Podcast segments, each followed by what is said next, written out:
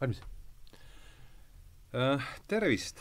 Äh, oleme siis eetrisse nüüd äh, Tähenduse teejuhtide järjekorras saatega, see kannab nüüd kin-, kindel, et see kannab peal- äh,, numbrit sada kolm, töö pealkirjaga siis äh, Kristus Ketsemanis, mis on viide selgelt siis ühele kunstiteosele, milleks on äh, Vassili Perovi tuhande kaheksasaja seitsmekümne kaheksandal aastal valminud äh, samanimeline maal. Ja see on vist kolmas kord, kus me oleme rääkinud ühest konkreetsest kunstiteosest selles sarjas, esimene, mõlemas on olnud vestluspartneriteks seni siis äh, Meego Remmel ja Aapo Pukk, rääkisime Caravaggio pöördumisest teele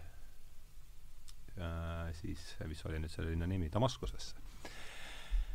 ja, ja teine, teisena vaat-, rääkisime El Grecost, seal ei olnud küll konkreetset tööd all jah, paraku, või paraku ei olnud, aga, aga täna on siis jah, et äh, konkreetsele maalile pühendatud saade, veel kord Vassili Perov äh, Kristus Ketsemanis äh, maal pärit aastast tuhat kaheksasada seitsekümmend kaheksa ja nagu ikka, on siis kaks äh, saatekülalist. tere tulemast, Karl Kristjan äh, Nagel, esimest korda saates! tervist! ja tere tulemast, Arne Hiiop, mööda kolmandat korda vist, eks? jah, tere!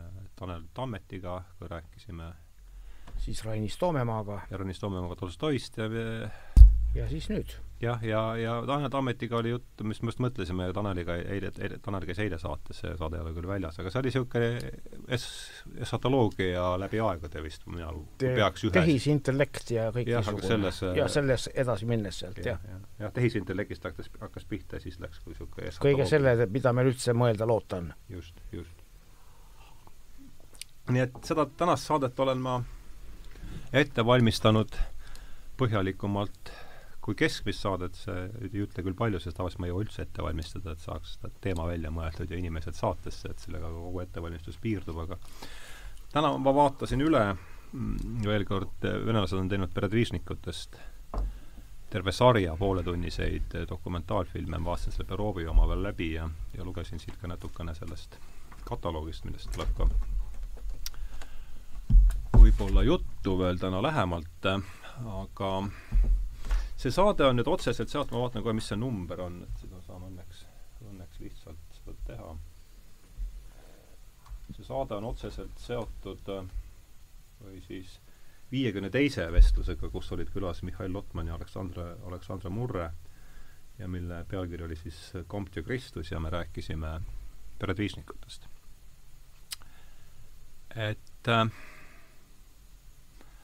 aga hakkame pihta siis äh, et no see jääks nagu saatejuhi keskseks asi siin, et äh, ole hea, Karl Kristjan, sa oled esimest korda saates, et ütle enda kohta paar sõna, et mina, kui ma peaksin tutvustama, siis ma ütleks, et sa oled kolmandat, kolmandat põlve maalikunstnik. jah, vastab tõele. et äh, vanaisa oli äh, eluaegne loodusmaalija, Pallases õppinud. ja ja isa, isa kuulub siis äh, Eesti maalikunsti seitsmekümnendate nii-öelda fotorealistide äh, koolkonda ka kogu elu maalis. kuigi ta no, alguses küll vist arhitektuuri läks Erkisse õppima. Läks arhitektuuri õppima? jaa, esimene kursus minu arust äh, kuni lõpuni, aga siis ta vist läks üle. et äh, tal oli veel igasugused terviseprobleemid olid ja niisugune äh, päris kriitiline, et, et tal võib-olla isegi mingi paus oli, aga, aga üldiselt nooruses oli või terviseprobleem? no just kooli ajal. ja siis äh, ma täpselt ei tea muidugi, peaks järgi uurima neid detailid, aga, aga, aga noh, et selles mõttes ta võib-olla see periood tol ajal vist oli ka kuus aastat, see võis olla tal kauem mm. -hmm. aga ja mina siis astusin äh, pärast äh, reaalkooli äh, lõpetamist astusin siis samuti maalikunsti kunstiakadeemias siis Vanas mm. -hmm. ja lõpetasin selle üheksakümne üheksandal aastal. Sinu isa pani mul, mina oma uudi-, uudismaastatel olin äh, ka viskiklubi liige, et sinu isa pani mulle viskiklubi märgi rinda, ma mäletan ühel uljamat sorti merereisil. jah, see, see, seda ma mäletan ka muidugi algusest peale, kui, nad lõid selle kaheksakümne üheksandal aastal, et sõpruskond seal Rutt ja, ja. siis äh, viskiklubi presidendi talus. ja, ja, ja, ja seda lapsest siis või lapsepõlvest saati nagu sai ka jälgitud. kõiki neid nagu üritusi vahel isa võttis kaasa ja ja, ja noh, hoian ka siiamaani silma peal no Arne, sa oled äh, käinud, nagu ma ütlesin, kolmandat korda, aga ütle siis juba enda kohta ka veel nende, nendele, kes esimest korda meie saadet kuulavad, et paar sõna tutvustuseks, enne kui me asja juurde asume. no minu onu on Johannes Hiob, isa vend, oli siis helilooja, organist siin Toomkirikus. Ja ta jäi kolmekümne viie aastaselt suri Venemaal, olles sinna küüditatud tuhat üheksasada nelikümmend. Artur Kapi õpilane ja meie perekonna isa-vend, isa-vend, jah, niisugune meie perekonna eh, noh, uhkus ei ole hea sõna, uh-, uhkus on ühtlasi ka patt, ütleme. aga heas mõttes niisugune, kus sul on perekonnas niisugune inimene, kes on natukene Tallinnas ka noh, edu saavutanud, siis meil oli see Nõukogude ajal kõva sõna seal Türil, kus me elasime, et, et onu Juha, onu Johannes oli, oli Tallinnas helilooja. just tahtsin küsida, kust sa pärit oled, Türi on? Türilt, jah ja eks ma sealt musikaalne olen natuke isa poolt küll ja mängin ise ka pilli pisut, aga aga muusikut ennast eh, üritasin õppida muusikat siin Georg Otsa muusikakoolis, aga pool tundi, pool, pool aastat no, pidasin vastu, tuhat üheksasada kaheksakümmend, siis ei istunud. Lihtsalt mm. ma nägin, kui palju pidi muusikud peavad tööd tegema, ma näen siiamaani, hea sõber Andres Uibo ja teised organistid, kes tuttavad siin on, ja, ja muud muusikud hortusmuusikusest ja mujalt ja ma näen, kuidas inimesed harjutavad kogu aeg. ja vaat, kui endal ei ole sellist eh, tööindu mingis vallas, siis ära, ära siis seda jätka. Eh, kui sa oled andekas, oletame, siis see, sinul lööb üle see, kes on andekas ja töökas. Kes andekas ja laisk jääb alla, nii et eh, mina võtsin edaspidi, jõudsin teoloogiat õppima ja kirikuõpetajaks ja ja selles vallas olin valmis pingutama ja vaeva nägema, ju see siis õige amet on Tallinna Jaanis oldud siin kakskümmend seitse aastat. mis aasta mees sa oled, ma olen tahtnud? ma olen kuuskümmend üks sündinud, tuhat üheksasada kuuskümmend üks ja mm. -hmm. siis on järgmine aasta oluline saja ju. järgmisel aastal veebruaris jah, peaks, kui jumal tahab, siis saama ümmarguse numbri ette. jah, selle peab praegu alati nüüd siin panema juurde just, just no kena, et äh, lähme siis asja juurde, et äh, ma ei eelda, et keegi oleks, keegi teist oleks nüüd Perovi äh, asjatundja võib-olla, et mina vaatasin viimati filmi, et võib-olla mul on isegi fakte veel kõige rohkem meeles, et aga üritame siis, ega siis ei ole põhjuseta kutsutud saatesse kunstnik ja teoloog, et need on see ju, maailm on see, kus need kaks Äh, teemad kokku saavad ja Arne puhul on, sa oled ju tuttav veel ka selle Vene äh, üheksateistkümnenda sajandi vaimulooga, ma kujutan ette. mul peaks, kui jumal tahab jälle, ütleme, ma rohkem ei kasuta seda väljendit. olemas. just, et äh, et ühesõnaga plaanis on ja kokku lepitud ja isegi lepingud juba tehtud, et veebruari alguses peaks ilmuma mul kaks raamatut, üks nendest on Venemaa ja õigeusk. ja seal ma kasutan igasuguseid materjale, üks on Ivan Iljin Eh, ta on kirjutanud saksakeelse raamatu Šveitsis lääne-eurooplastele vene kultuuri tutvustajana mm. -hmm. ta Wesenud äh, ma ei mäletagi pealkirja enam, Wesen der russischen kultuur või midagi oli. Ivan Iljin. Iljin jah, ja see on väga hea raamat oli, seda ma sain ka kasutada, kus ta jõudis ka kunstini, kirjanduseni ja kõigeni, võttis ikooni maailma läbi ja mida kõike, loodustaju ja täitsa huvitav oli ja ma sain neid asju ka kasutada. selles mõttes äh, haakub küll see, see tänane teema. ma ei ole kunstiga nüüd äh, väga põhjalikult tegelenud, aga see kõik käis läbi ja ma vaatasin üle need kunstnike mm tähtsamad maalid ja mõtlesin seda Vene aspekti. Vene, Vene kunst, Vene vaimulaad on väga võimas ja seda tasub eestlasel ja teistel tundma õppida. ilusti ütles Ivan Iljin niimoodi ükskord, ta ütles vene kirjanike kohta, aga ilmselt võiks öelda võib-olla ka vene kunstnike kohta, ta ütles niimoodi, et kes ei taju ära et Dostojevski romaanides, et läänlasel on olnud kombeks vaadata, et niisugune destruktiivne meelelaad mm. -hmm. Siis Iljini ütleb niimoodi, kes ei taju siin ära tõelist südamest tulevat otsingut tõe ja Jumala ja valguse järele mm, -hmm. et sellel oleks kasulikum, kui ta enam elu jooksul ühtegi sõna Venemaa kohta ei ütleks mm. -hmm. nii et nii on ilmselt ka kunstiga. kui vaadata kõike seda Perov või siis äh, või siis mis see oli, see samane Kramskoi mõte. jah, Kramskoi näiteks või, või, või keegi Nesterov, eks ole. siis äh, nendel kõikidel on olemas niisugune võimas dimensioon, millel on kõrgust ja sügavust mm. -hmm jah, Dostojevski nime siin üheksateistkümnenda sajandi Venemaast rääkides sealt see üle ka ümber ja, ja kui ma hommikul vaatasin seda dokumentaalfilmi, siis mulle jäi sealt kõlama see paar asja, paar mõtet, mis jäid kõlama, üks oligi see, et Perovi on nimetatud äh, vene kunsti nii Dos-, Dostojevsk-, Dostojevskiks kui Turgeneviks, et äh, ma ei tea, kas kui ma selle palli sulle viskaksin, Karl-Kristjan, kas sa, kuidas sa selle kinni püüaksid? no.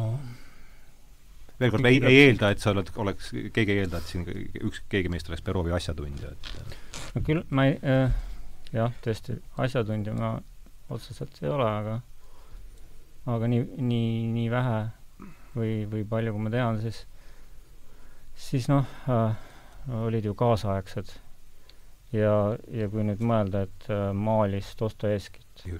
Äh, samas äh, kõik see taust, et kui seal oli äh, nimi võib-olla mul ei ole täpselt meeles, aga üks, üks niisugune noh, tolle äh, aja nagu vene mitte kunstikriitika, aga pigem niisugune äh, äh, võib-olla no ma olen aru saanud nende narodnikute nagu niisugune äh, äh, teema nagu äh, äh, autor äh, Tšernis Tšernševski, jah. Tšernševski, siis äh, noh, nad on seal need tegelased kõik omavahel läbi põimitud, see äh, kõik arvatavasti jälgisid üksteist ja, ja lugesid, et kui Tšernissevski nagu see romaan, et, et mida teha, jäi ju Dostojevskile nagu väga silma ja ta isegi protesti vaimus nagu kirjutas sellele vastu vist romaani, et aga, aga selles mõttes, et jah, võib öelda, et e, e, see ei takistanud samas jällegi lä-, e, noh, nii-öelda sõpruskonnas läbi käia, ma kujutan ette, seal kunstnikud ja Dostojevski ja mm -hmm. et äh, äh, minu meelest see maal üldse, see Perovi maal nagu, et ta, millele ta nagu kunstiajaloos noh, kus ta nagu on ammutanud, ütleme niisuguse kompositsioonilist või üldse panna nagu Kristus pikali niimoodi ja nägu maha, jah. et see on nagu, võib-olla ma lihtsalt ei tea, on ju, nii, nii palju ajast tagasi, on ju, aga ta, ta tundub nagu väga, väga omapärane Aarne selle, et üht, Perov nii, nii Dostojevski kui Turgenev ühe korraga, et nii jällegi nii vähe, kui mina sellest asjast tean, Dostojevskit ja Turgenevi on aeg-ajalt esitatud selliste mingis mõttes ka antipoodidena. üks niisugune läänelik, teine, teine venelik ja Perov siis seal kusagil vahel, et kuidas sina sellega haakuksid? jaa, saab nii näha ja ma olen näinud veel ühte, ühte artiklit ühelt vene religiooni filosoofia teemal kõnelevalt sakslaselt või šveitslaselt, kus ta, tal olid alapealkirjad kirjanikest, oli pandud niimoodi Gogol, salakatoliiklane. kuskilt see on läbi käinud siin sarjas, ma ei kuulanud seda vist esimene, väga huvitav, väga jätka. äkki ma ütlesin ütlesid Tolstoi, seda. Tolstoi salabudist just. ja Dostojevski see... sala, salaprotestant. jaa, täpselt, ma panen, jah, see oli selles ja. Rainisega saates, ma panen Gogol salakatoliiklane. jah, ja, ja niimoodi neid asju vaadata, siis Turgenev oli ju läänemeelne. ta oli läänemeelne, Dostojevski oli pigem niimoodi, et teda kahekümnendal sajandil eh, igasugused teoloogid ja muud sakslased tsiteerisid ja kiitsid, samal ajal Hermann Hesse oli üsna ettevaatlik ja pigem laitis. see Hesse artikkel on eesti keeles ka olemas, tema tajus seda niimoodi pigemini niisuguse kõige revolutsiooni ja, ja purunemisega, mida Dostojevski ette kuulutas ja mm -hmm. tundub, et ta nägi ainult niisugust teatud seda aspekti, et samal ajal, kui vaadata vene, vene kunstnikke, siis ma ei oska konflikte märgata, ma ei ole ka kunsti asjatundja. Aga kui vaadata neid väga võimsaid üheksateist sajandi mitmesuguseid autoreid, siis neil on igatahes tugev sõnum, mis paistab üle maailma mida vaadatakse mujal ja mhm. nähakse, ikkagi, ikkagi, ikkagi hea kunst, nii nagu ka hea muusika on ilmselt see, kes, mis leiab ilma sõnadeta nägemist ja kuulmist. ja noh, ütleme lihtne kunst ja lihtne muusika võib olla siis massi oma, et ta leiab tõesti, kõik inimesed saavad tast aru. kui on juba mingi kõrgem aste, siis ei pruugi enam kõik saada, aga ta leiab arusaajaid siin ja seal igal pool mm, -hmm. kui on hea. ja niimoodi on näha nii vene kirjanike puhul kui ka vene kunsti puhul, et ei loe siin üldse mitte midagi muu, vaid kui on hea eh, kunstnik, kirjanik, siis seda märgatakse ja, ja vene kunstnikud on olnud sellised, et lihtsalt mina oskan vaadata niimoodi, et üks maal või teine, mis mulle isiklikult rohkem kõnetab, aga näen erinevust, no nii nagu evangeliste vaatan, nelja evangeeliumit Uues Testamendis, et et äh, mina ei oska valida, mis mulle isiklikult meeldib või midagi, aga ma näen seda, mismoodi üks sama isik on, kellest kirjutatakse. ja neli tükki on kõik eri stiilidel samal ajal mingil moel et see, sellised asjad annavad väga tugeva elemendi ka kunsti puhul, just mõlemad asjad kokku, see üldine sõnum ja isiklik laad, et igatahes e, Vene kunstnikel üheksateistkümnendal sajandil on enamasti olemas see religioosne dimensioon mingil viisil, on ka toodud välja, et et ka mitmed venelased on toonud välja, et see slavofiilide ja läänlaste vastandumine üheksateistkümnendal sajandil, et slavofiilid siis, kes äh, kes nagu kallutasid, eh, tahtsid nagu Venemaad esile tõsta ja Vene tunnetusdimensiooni mm. -hmm. ja läänlased, mis vastupidi, lääne poole vaatasid, on toodud esile, et tegelikult on ikkagi mõlemal, on mõlemat. lihtsalt teatavates eh, erinevates proportsioonides. ja niimoodi ilmselt võib ka siis vaadata sedasama Valeri Perovi vaali ka või Dostojevski ja nende vahel, et ilmselt ikkagi Dostojevskil on juures midagi venelikku ja samal ajal, samal ajal ma arvan küll, et kuna protestantidele kahekümnendal sajandil Dostojevski väga meeldis, et siis küllap seal on sellist kerkekaardlikku ja ja midagi sellist, mis kahekümnenda sajandi eksistentsialismis kerkis. jah, just, just. see oli huvitav jällegi sellest ähm, dokumentaalfilmist niisugune pikantne detail, et äh, rahva sündinud tuhat kaheksasada kolmkümmend neli ja tuhat kaheksasada kuuskümmend üks valmistas tal, noh siin me ra raadios ei saa ammugi näidata pilte, ma ei hakka nende, neid ka siin YouTube'i videoversioonis kõik, kes tahavad, võivad neid järele vaadata, et tuhat kaheksasada kuuskümmend üks valmis tal siis kaks maali, üks oli jutlus kir-, külas ja teine talupoegade ristikäik lihavõttepühal, noh mõlemad eks religioossed või klerikaalsed või jah, ikkagi usuteemalised siis ütleme laias tähenduses. Ja ühe eest sai ta siis jutlus, jutlus külas ant-, anti talle kuldmeda-, kuldmedal ja tuusik välismaale viieks aastaks ja, ja talupoegade, samal ajal valminud talupoegade ristikäigu eest taheti asumisele saata. et selles mõttes oli niisugune äh, pinge mis seal siis oli täpsemalt äh,? see talupoegade jutus külakirikas on lihtsalt, kujutab stseeni, üks mm -hmm. mõisnik magab seal eespingis ja keegi naine seal ka samal ajal kurameerib, niisugune olustikuline stseen, aga aga jutt talupoegade ristikäik lihavõttepühal, no see on ilmselt siis see papp käis, äh, eks ole, külast, äh, külas mitmes majast läbi ja see oli tal tõenäoliselt juba seal kaheksas või kümnes talu, kus ta peatus ja see oli tema sellisest olekust nagu näha, et oh.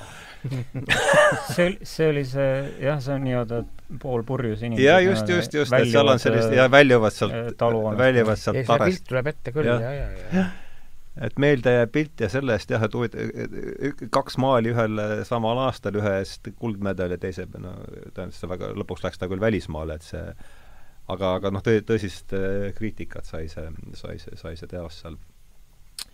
aga tahad sa järsku midagi lisada nende kahe töö kohta? just kunstniku pilguga, et, et või läheme kohe selle Getsemani juurde siis, et kui sa nüüd kunstnikuna vaatad ja, ja sa vaatad täitsa teise pilguga kompositsioon, värvid, noh, asjad, mida mida noh, minusugusele ta jõuab üldmulje kohale, aga sa, noh, ma kujutan ette, et oma no, ametist tulenevalt sa näed minu jaoks on üldse niisugune huvitav lihtsalt, et noh, et äh, äh,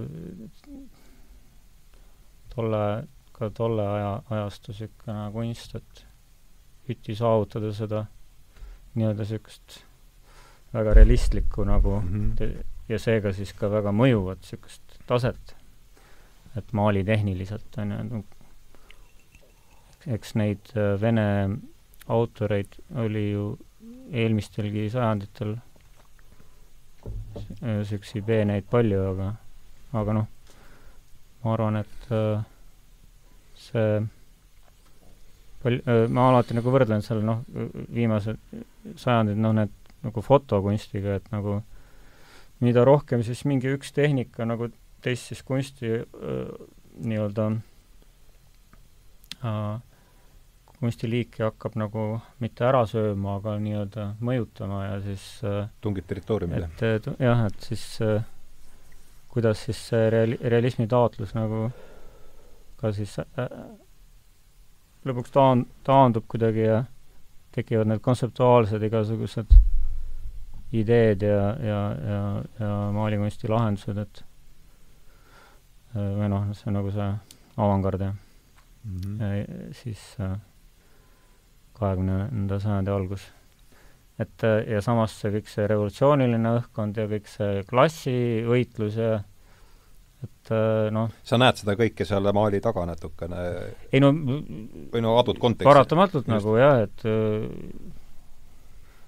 äh, mõtled nagu samamoodi saab vaadata praegust nii-öelda kunsti, et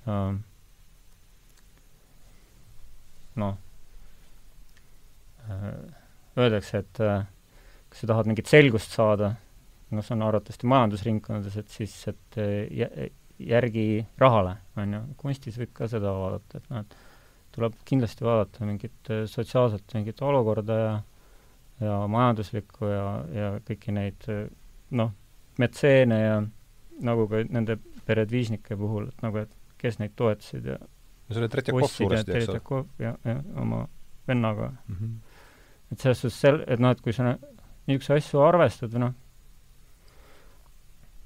mida kindlasti kunstiajaloolased kõik teevad, aga siis, siis sa saad aru, et tegelikult noh, et et kõik võiks, võinuks olla ka teisiti, ühesõnaga alati, iga ajastu puhul nagu see kõik see inimestest, igast inimesest individuaalselt sõltub nii palju.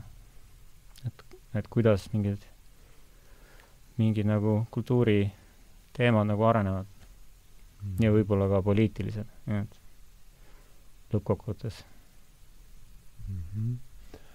aga see kompositsiooni teema käis, või sõna käis siit vähemalt läbi, et kui seda nüüd vaatame siis enne, kui värvide juurde minna, mind tõesti huvitaks see, et kuidas kuidas sina seda kunstikku näed, mis sa seal kompositsioonis nagu äh, tooksid, tähendab, kuidas ma nüüd ütleks, et äh, võib-olla sa visandaksid paari sõnaga üldse kompositsiooni sellise problemaatika, et ilma, ilma nagu siin detailidesse minemata ja, ja kuidas, ütleme, kompositsiooni üldine problemaatika ja kuidas see on siis lahendatud sellel konkreetsel teosel, et oleks no äh, raske on muidugi mingi reprode põhjal, muidugi tänapäeval on nad väga nagu hea kvaliteediga, aga no mina ei ole reaalselt näinud, nii et ma selles olen, suhtes ma peaks kõigepealt nägema kuskil muuseumis, et mm -hmm. et äh, aga jah, ei, mulle avaldab see efekti just see, et, et me ei näe nägu. Kristuse nägu, on ju, ja ta, ja ta noh, tema seisund on niisugune üsna, üsna lootusetu, võib-olla ta magab, ei tea, on ju. aga ma, sellest, tähendab, nii palju, kui ma lugesin, siis see tseen või nagu piiblis on see, et, et mingid jüngrid ootavad teda ja jäävad magama mm. -hmm, ta käib palvetamas, ta tuleb tagasi, siis ta äh, noh, manitseb neid olema ärkvel, käib ära, palvetab, tuleb tagasi, ikka vist magavad, on ju, lõpeb see vist sellega, et jüngrid üldse põgenevad või jooksevad minema. kui kinni võetakse juba, siis jooksevad Aa, minema, jah? jah, jah see Peetruse ära sol-, kolmekordne ärasolgamine on sellesama peatüki sees, mõtle? ei, see on edasi veel. see on edasi, jah ja.? ah, see on edasi, jah, just, just, just, just, just. Aga see, kui ta jah, tullakse ja, ja arreteeritakse, siis äh, Juudas annab siis märku, kes ta on, selle üle on ka arutletud, et et eh, miks ta pidi näitama, et kas ei eristatud ja et eh, üks kõrvalepõige, et eh, Toomas tähendab tõlkes, nimetatakse kaksikuks. Ja sellepärast, et mispärast kaksikuks, üks hüpotees oli, et ta oli Jeesusega nii sarnane, et Juudas, et Juudas pidi näitama, kumb on Jeesus. aga no see on hüpotees, mille puhul noh, ei ole kinnitusi ega ümberlükkamisi, nii et päris seda arvestada ei saa aga no ju siis oli põhjust, igatahes, et ta siis kinnivõtjad ei teadnud, milline ta on, Juudas näitas, kes ta on. ja siis jüngrid põgenesid, siis kui ta mm. kinni võeti. ja näitas kätte suudlusega? Näitas suudlusega kätte jah, Peetrus raius veel äh, kõrva maha, kõrva maha Malkusel. Jeesus parandas selle ära ja siis pärast, pärast jüngrid igatahes põgenesid ja Peetrus salaja jälgis teda kui Iisraelis käia, siis tõepoolest seal on nii külmaks läheb, selle palava päikese kont-, päikesega kontrastiks läheb õhtuti nii külmaks, et lõkked vaja põlema panna ja siis lõkke ääres seal Peetrus salgas teda maha kolm korda. Ahaa, aga nüüd ongi ju see, et sa oled ju korraldanud, eks, väljasõite Jeruusalemma päris jah, kahekümne kuue grupiga. kahekümne kuue grupiga? jah. räägi sellest palun, Ketsemanist, et mis see üldse on, ajalugu, ja mismoodi ta tänapäeval välja näeb ja, ja peatuks selle sõna juures? Getsemani on, jah, see on tõesti niimoodi, et kui seal kohapeal mitte olla käinud, siis ei kujuta ette ja kes käib ära, sellel saavad kont-, kontuurid eh, selgeks ja paljud asjad saavad selgeks, nii et tasub igatahes käia. Getsemani nime, nimetus on lihtsalt, see tähendab õlipressi hmm. ja, ja koobas, kus nad seal Getsemanis eh, ööbisid tõenäoliselt oli tegemist tuttava inimese koopaga, kelle, kes neile laenas seda. Seal kohe kõrval on ka Maarja haud, Jeesuse ema haud. ja see koobas on siis, tähendas Ketsemani ehk õlipressi, seal pressiti viinamarja, või nendest viigimarjadest õli, oliividest välja õli. ja neid koopaid kasutati sel, sel ajal, kui parajasti õlipressimistööd ei käinud, igasugustel muudel otstarbedel, kui väljas oli külm, magati koobastes ja loomalaut oli koobas ja igasuguses muudes, muudel viisidel. ja siis selle koopa juures oli aed, seda nimetati Getsemani aed. Ja on niisugune, seda koha pealt on just vaadata niimoodi, et et Jeesus jättis jüngrid koopasse, võttis kolm tükki kaasa, läks eemale Ketsemani aeda, ülejäänuid koopasse, läks Ketsemani aeda, siis läks kiviviske kaugusele, polvetas seal ja need jäid magama. siis, kui me seal käime, siis ma ikka vaatan, et kus nad umbes võisid magada mm.. et ta on äh, niisugune oliivipuuaed, oli ta tookord ja oli ka praegu, sest vähemalt kaks korda võib olla neid oliivipuid maha raiutud, ükskord, kui roomlased piirasid Jeruusalemma, teinekord, kui ristirüütlid piirasid Jeruusalemma. Aga keegi ei tea täpselt, kas kõik õlipuud raiuti maha või mõni jäi püsti ja teine asi, kui raiuti kõik maha, siis juured on igatahes samad, sest juured on tõesti tuhandete aastate vanused õlipuudel, kui sa maha lööd, siis see juur hakkab sealt uusi, uusi välja ajama. nii et selles mõttes me seal jalutades ikkagi mõtleme, et need on needsamad õlipuud mm.. ja Jeruusalemm paistab, templimägi, seal on praegu see kuldkupliga mošee ja see mm -hmm. ja selle Templimäe ja Õlimäe vahel on Kidroni org ja selle õli Templimäe ja ja Õlimäe vahel on Kidroni org, Kidron mm. -hmm. ja ja siis Õlimäe selle nõlva alumises osas on see Ketsemani aed niimoodi, kus ta hakkab Õlimäe peale tõusma niimoodi alumises osas. üleval juba on äh, igast muud asjad nii et see paik on, on tõesti, ma olen juba selle vaali pealt vaatasin ja ma olen ka mujalt vaalide pealt vaadanud. äratuntav? jah, ikka ma ei, ma tõesti ei tea, kas Perov seal käis, igatahes venelastel oli kombeks käia ja kõvasti käia kohe. See oli neil suur, suur boonus ja tähtis asi oli käia elus ära ikka Jeruusalemmas. ja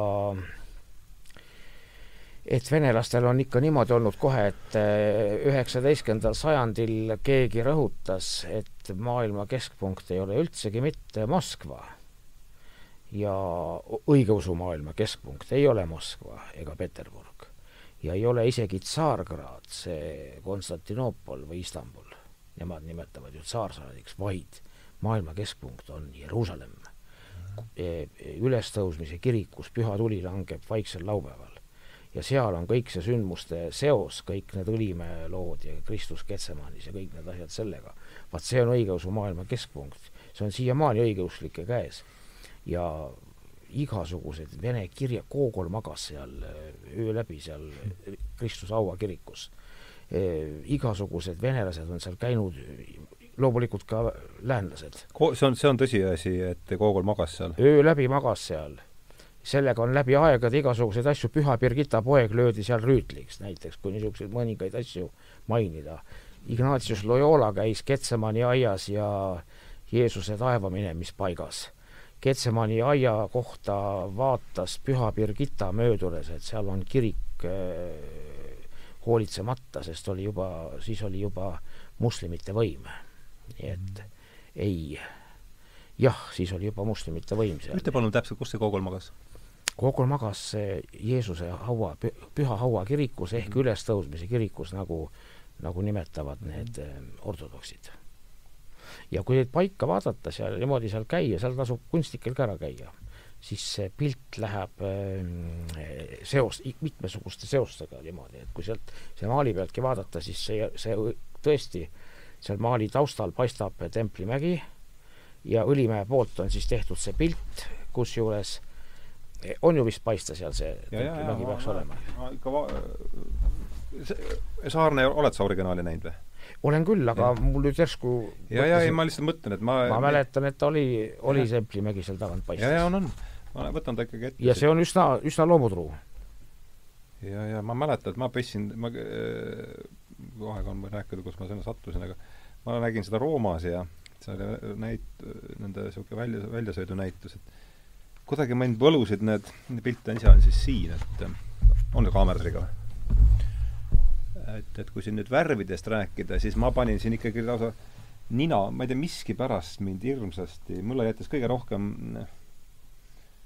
ma ei tea, mingi sõna, sõna, sõnu seletamatul põhjustel võlus kollane siin nendes äh, Jeruusalemma akendes, ma panin niisugune nina lausa sinna niimoodi, mitte et ma ei tea, miks see, miskipärast see Jeruusalemma, ma saan kohe seda mm, -hmm. see, see, see, see akende kollane, see oli kuidagi, jättis mulle Nad on huvitavad. räägi palun, Kristjan, nendest, Karl Kristjan, nendest ähm, ikkagi, kuidas sa seda värvi asja seal niimoodi no vana, vanade tööde puhul, kui nad on restaureeritud, siis muidugi need värvid kõik tulevad, on puhastatud ja tulevad jälle välja, aga aga noh äh,, eks nad muidugi jah, aegade jooksul oma värvitoonid ju muutuvad mm, -hmm. lähevad tuhmimaks ja nii edasi, et et selles suhtes, no ja teine teema, nii et sa ütled seda, et siis, kui ta selle pildi valmis sai, siis ta ei, ei, see võib olla, ütleme, kui äh, täpne nagu silm või siis äh,, siis iga väiksemgi värvi erinevus ju, ju on näha mm. või mhm. nagu ütleme, et vahel võib ju täiesti üllatuda, et sa näed mingit nagu algsemat nagu mingit reprot või, või siis päris maali või ja, ja siis äh, et sellest sõltub väga palju tegelikult, et kuidas maali vaadata. Aga huvitav jah, noh, muuseumites on ka see asi, et seal on, vahel on sensorid, hakkad uurima või midagi, siis, siis jooksevad inimesed välja nagu. ma, seda ei juhtunud. Ermitaaži vist viimati oli, et oli huvitav nagu jälgida mingit pintsli palju vabamat niisugust vanal tööl, võib-olla oli ka mingi Rembrandt või aga no et väga niisugune skitseeritud või nagu visandlik niisugune mingi koht oli kuskil vees või ja siis, aga jah, seal on tõesti sensorid, et nii kui lähemale lähed, seal võib-olla kümme sentimeetrit, nii, nii kohe on, on häire mm. -hmm. et aga jah, noh selle, mis on nagu huvitav minu meelest, on just see, et kuidas äh, ikkagi läbi aegade just see müstiline pool, tähendab see, see nii-öelda imetegude ja kõik see, see temaatika, et kuidas seda nagu noh, see, see justkui oleks nagu ka üks, üks motivatsioon, et nagu midagi ütleme, teostada mingi, mingi töö, mis nagu noh, nii-öelda väljendaks nagu see, niisugusi ebamaiseid või nagu nii-öelda sfääre või, või, või inimeses peituvaid niisuguseid võimeid. üritab ikka sinna kardina taha piiru, piiluda nii? nojah, et sest no. mida muud see on, kui, kui nagu üks jutustus või lugu, mis siis on läbi aegade nagu kandunud. et ma, ma olen nagu omal ajal ka väga erinevaid asju olen nagu vaadanud, et mis seoses nagu üldse noh, religiooni või kristlusega, et väga huvitav teema on olnud ka äh, astro, astroteoloogia. Nagu, astroteoloogia. teooriad sellest, no ma ei tea, see võib-olla liigitub jälle mingisse konspiratsiooniteooriasse, aga, aga see on täpselt koht, koht, kus sellest rääkida. nähtus igatahes. et äh, et ma, mingid ameeriklased, noh, kindlasti on neid võib-olla raamatuid välja antud ja nii edasi, aga mingid ameeriklased olid, kes nagu neli tundi pidasid loengut sellest, et kuidas noh, et, et meil tuleb nagu arvestada nagu astroloogiaga, on ju, et, et see nagu kõik tähe, täheteadus ja kõik see Kristuse ülestõusmine, et see on tegelikult nagu, et kui päike on nagu horisondil kolm päeva, on ju, aastas ja siis ta jälle liigub üles, üles tõusmine, noh, ühesõnaga niisugused nagu analoogid, et mis on huvitav, et nagu ta hetkest võtab sind sellest kultuuriruumist ja, ja nii-öelda siis meie, meie nagu äh, äh sellest äh, usundiloost nagu välja korraks, et annab võimaluse nagu distantsilt vaadata, nagu ka.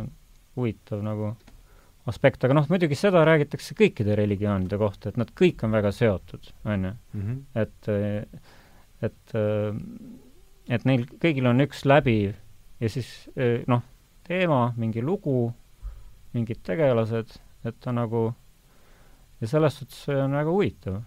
selles suhtes um,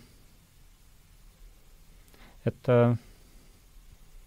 ja see kõik kandub tänapäeva maailma edasi nagu ma olen sellest täiesti veendunud, uute tegelaste ja võib-olla tegelased, keda me ei, nii täpselt ei teagi või kes on olnud või et selles suhtes äh, äh, jah, selle astroteoloogia veel, seal oli veel see versioon, et näiteks äh, et nagu, et äh, siis äh, näiteks äh, paasti ri-, eh, noh, riietus üldse, et mida ta siis, äh, et see omakorda äh, väitsid, et, et see tuleb kuskilt nii-öelda siis narkootikumide tarbimisest, et nagu seente, et kõik see riietusvärv, punane, valge, on ju, kui vaadata selle, ütleme, müt-, mütside kuju ja nii edasi, et see, seal olid juba võrdlused nagu, et kärbseseente nagu tarvitamisega ja noh, no see on üks hüpoteesidest jah, mis on siin see tõenäoliselt McKenna kanti läheb see jutt. no jaa, no ma ei ole teda nii väga täpselt noh, aga noh, põhimõtteliselt see on see väited. oblast, kus, kus need, kus see ideestik tuleb, kus sa kus temal sa... oli vist LSD rohkem, aga noh tal aga... oli pigem seened ja kogu see mm, psühhotsibiinipõhine teoloogia. et aga kus see, kus see astroteoloogia üldse tuli, see sõna, et kas sa vaatasid mingit jah mingit lihtsalt niisugust äh, nii-öelda loeng piltidega, on ju. Mhm. Youtube'is? lihtsalt äh, regulaarse jälitustegevuse käigus ja, jõudsid sinna sellele videole? ma olen suhteliselt avatult, ma kümme, äh, rohkem kui kümme aastat, noh, ma, ma, ma selles suhtes mul nagu komplekse ei ole, et ma, kui miski on huvitav või nagu nii-öelda annab mingeid teadmisi juurde, siis ma ja tegelikult ka see, ütleme, see see konser-, see konservatiivsuse nii-öelda liin, mis nagu tänapäeva maailmas nii, nii tegelikult idas ja läänes on ju, ja nende kuidagi sublimatsioon või, või kuidas nad on kuidagi öö, kokku saanud või, et see, see on ka väga huvitav olnud see, selle noh, aja jooksul nagu jälgida mm. -hmm. et ähm, aga, aga noh, muidugi see on juba niisugune poliitika poole teema, kuigi, kuigi ka sellel on ju kultuurilised, ütleme, mingid põhjused või nagu no lihtsalt kommentaariks su jutule, et noh, mul on ka ega siis neid vest-, täna on, nagu ma ütlesin, saja, järjekorras saab ta olema saja kolmas vestlus, kokku on neid sada neli olnud, et eile on salvestus olemas, aga väljas veel ei ole, aga ja paljusid siis ikka niimoodi otseselt meelde jääb, jäävad ikkagi mõned mõtted ja mõned laused ja üks lause, mis mul on selgelt meelde jäänud, on Sasso Krulli oma, et kui on huvitav, siis on järelikult ka vajalik, et äh, see on minu meelest ütleme, esimese saja saate niisugune lühike, lühike kokkuvõte võib-olla, et sellega ma olen täitsa aga ole hea, lähme siis ähm, selle teoloogilise tausta juurde, et ma panin kirja, et äh, kas, kas äh, Arne, ma sain sinust õigesti, ega ma ei eksinud, et see Getsemani aed geograafilise kohana on siis äh, Õlimäe nõlval? jah, Õlimäe al-, tähendab, ta on veel alumisel pool otsas, nii et mitte üleval, vaid alumisel pool küll, aga kuskil, kuskile sinna alt keskeni välja umbes ulatub või nii nüüd sama nüüd õigesti et siin on siis Templimägi või? jah, see paistab sealt. ja siia jääb siis kusagil, kui ta on siin selle alumise nõlva juures, et Just, siis siin on see siit see jääb niimoodi Õlimägi. Õlimägi tuleb sinna, jah mm. -hmm. Aga okei okay,, see on nüüd siis äh, Getsemani aed äh, geograafilise kohana, aga aga ta on ka psühhogeograafiline äh, paikkond, eks, et räägiks nüüd sellest äh, äh psühho äh, psüühi Getsemanis selle sõna religioosses ja, ja noh, võib-olla eelkõige psühholoogiline, isegi, isegi mitte niivõrd praegu religioosses tähenduses, kui Getsemani äh, psühholoogilises äh, tähenduses, sest noh, mina ei ole Getsemanis käinud geograafiliselt, aga eks ma arvan, et meil kõigil on olnud oma Getse-, Getsemanis on kõik käinud, ma arvan, et noh, see tähendab, et sinna uuesti ei satuks mingil hoopis keerulisemal juhul, aga ma arvan, et iga, igalühel on oma elus tuua mingi niisugune senisest elust väike Getsemani juhtum, et, et räägi palun sellest eel-, praegu just keskendume, keskenduks selle psühholoogilise poolele, mitte niivõrd isegi nojah. et mis see, aga noh, seda on muidugi ilmselt võimatu teha ilma, kui me ei räägi, mis seal see jah, ma üritan, et kolm jüngrit on kaasas, ülejäänud jättis maha, kolm võttis kaasa sinna mm. -hmm. et äh, niisugused üksikasjad hakkavad äh, tähendust omama. ja see toob välja üldse niisuguse elemendi, et miks siis nii, et miks siis teised ei võinud olla, miks need kolm. Ja kui vaadata evangeeliumi tekste, siis äh, nad on kirjutatud ikkagi eesmärgiga panna kirja seda, mis tegelikult juhtus. Luukas ütleb seda oma alguses kohe ära ja tema, et ta on uurinud dokumente ja ta on külastanud pealtnägijaid. ja et tema kavatsused on siirad. materjaliga on tutvutud? just. nüüd, kui kahtlustada ette, et ta valetab või midagi, siis on väga ränk kastu-, kasu-, kahtlustus, et ütleme, kui me ei usu muistseid kirjutajaid, siis on, seda tuleb siis väga selgelt põhjendada, miks me ei usu, eks ole, et inimesed äh, kui nad on pannud tekstid kirja ja tekstid on osutunud ülimalt mõjukaks, neli, neli evangeeliumi, tohutult mõjukad. ükskõik, kas seda usutakse või ei usuta, ajaloos võttes nad seda on, siis äh, lihtsalt üks bluff äh, lahjade meeste poolt ei ole selline, ei saa selline olla. Ja on pandud tähele üks selline detail äh, samuti Uuest Testamendist ja üldse antiikkirjandusest et niisuguseid juhtumisi, igasuguseid imelugusid räägitakse siin ja seal. Nad on enamasti niisugused fantastilise kirjelduse laadiga, kas lähevad liialdustesse või on nad ebamäärased, et ei tea, kus kellega juhtus, nii kusagil muiste. Aga Jeesuse puhul on niimoodi, et nad on äh, öeldud, kes nägi, kui palju nägi, kes need seal kõik olid. kirjelduse laad on ajalooline ja mitte kusagil ei ole sellist tohutut kvantumit ühest erilisest persoonist. E, see on selle asjaga mõistmisega minu meelest taustana väga oluline. E, ja nüüd, mismoodi Jeesus käitub?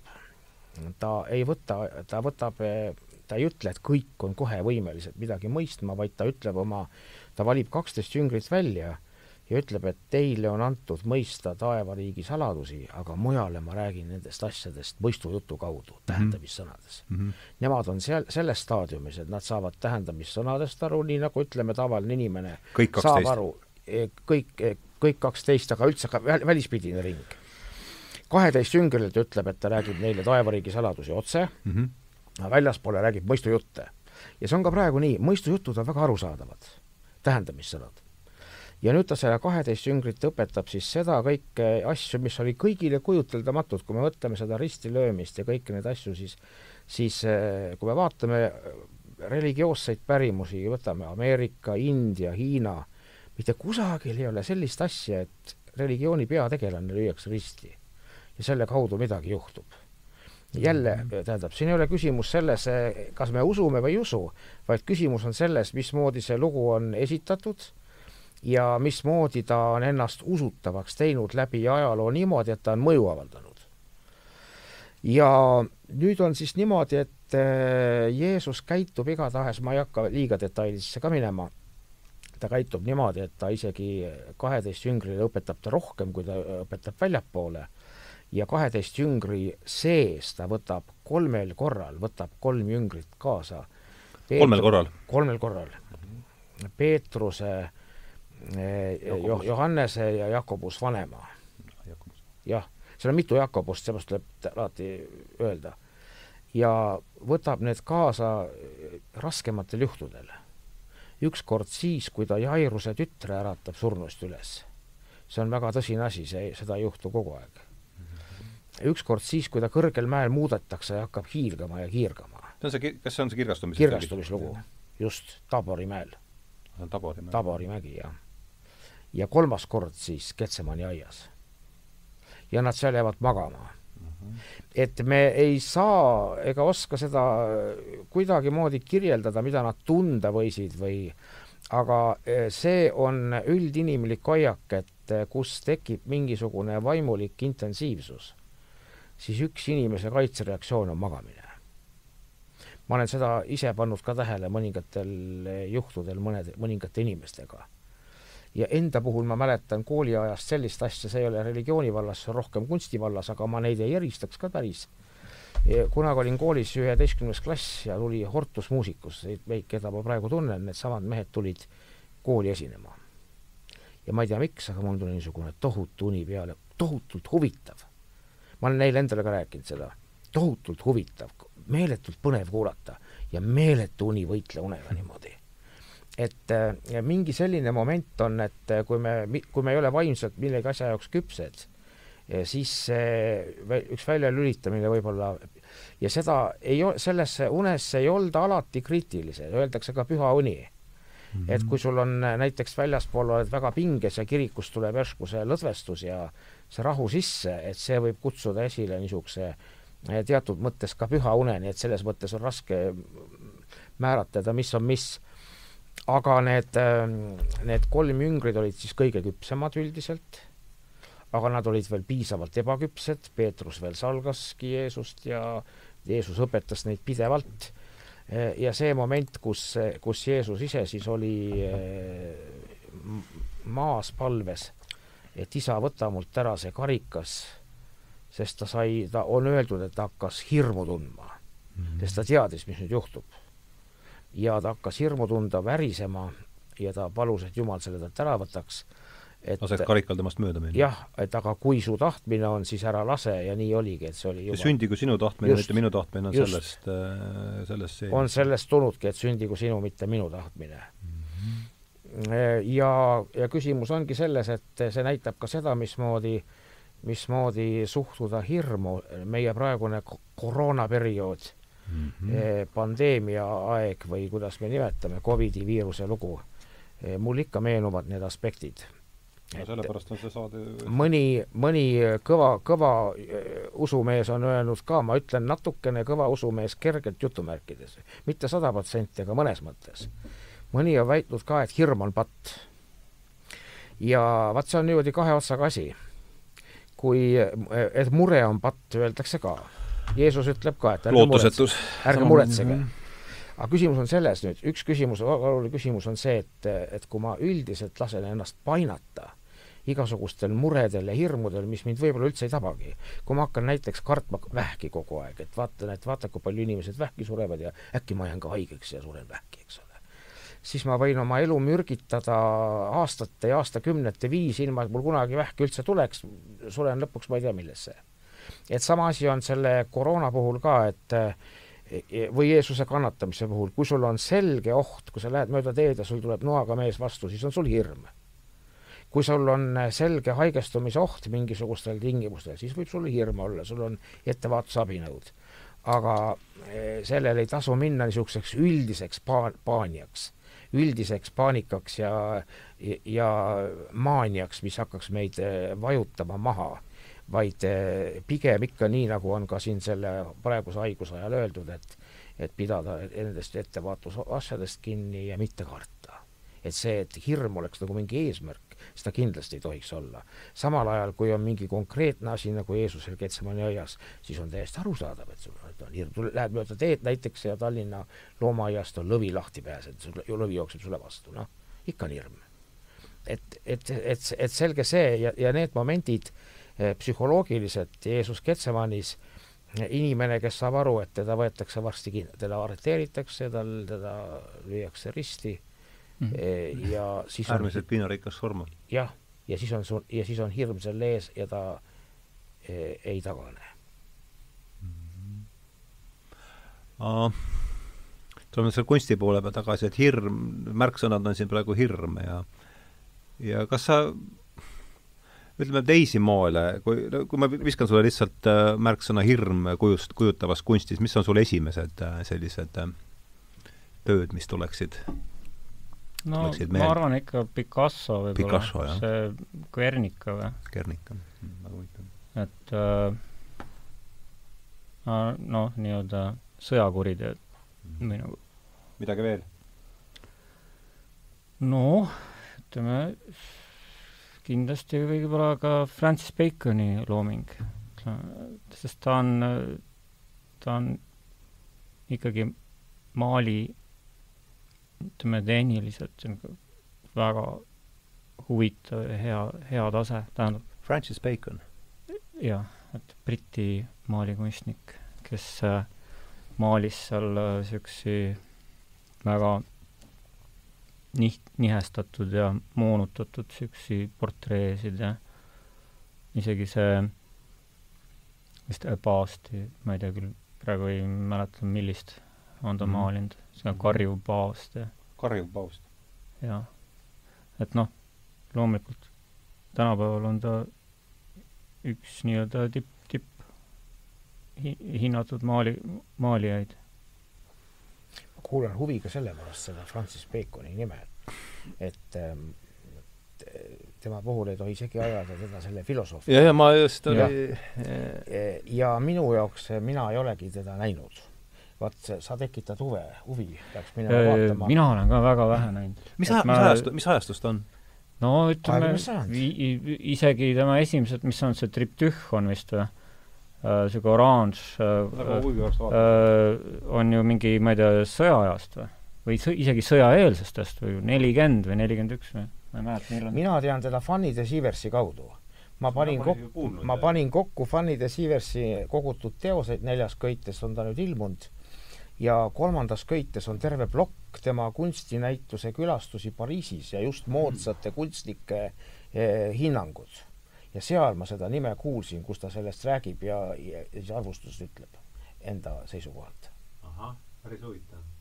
ja seal toob ka välja, et see ei ole Francis Bacon, et seda ja, ei tohi segamini ajada selle e, e, tema puhul on nagu just see huvitav see, et ta oli nagu nii pühendunud, et kui kui vaadata te-, no mingit fotot tema nagu ateljeest, siis äh, ma mäletan, minu isa seda ka alati tõi õigustuseks, miks või heaks näiteks, et kuidas, kuidas on võimalik siiski he head kunsti teha ja mitte pöörata tähelepanu, ütleme, ateljee nii-öelda välimusele või seisukorrale, et et ähm, et no Baconil oli ikkagi väga niisugune pöörane, pöörases ma eeldan, Viki, Viki järgi. vot jah, et kas ta autoportreed tegi, võib-olla tegi, aga on, et äh, ma eeldan, et see on autoportree. ta on ikka see kahekümnenda sajandi Bacon. ja, ja, ja. jaa.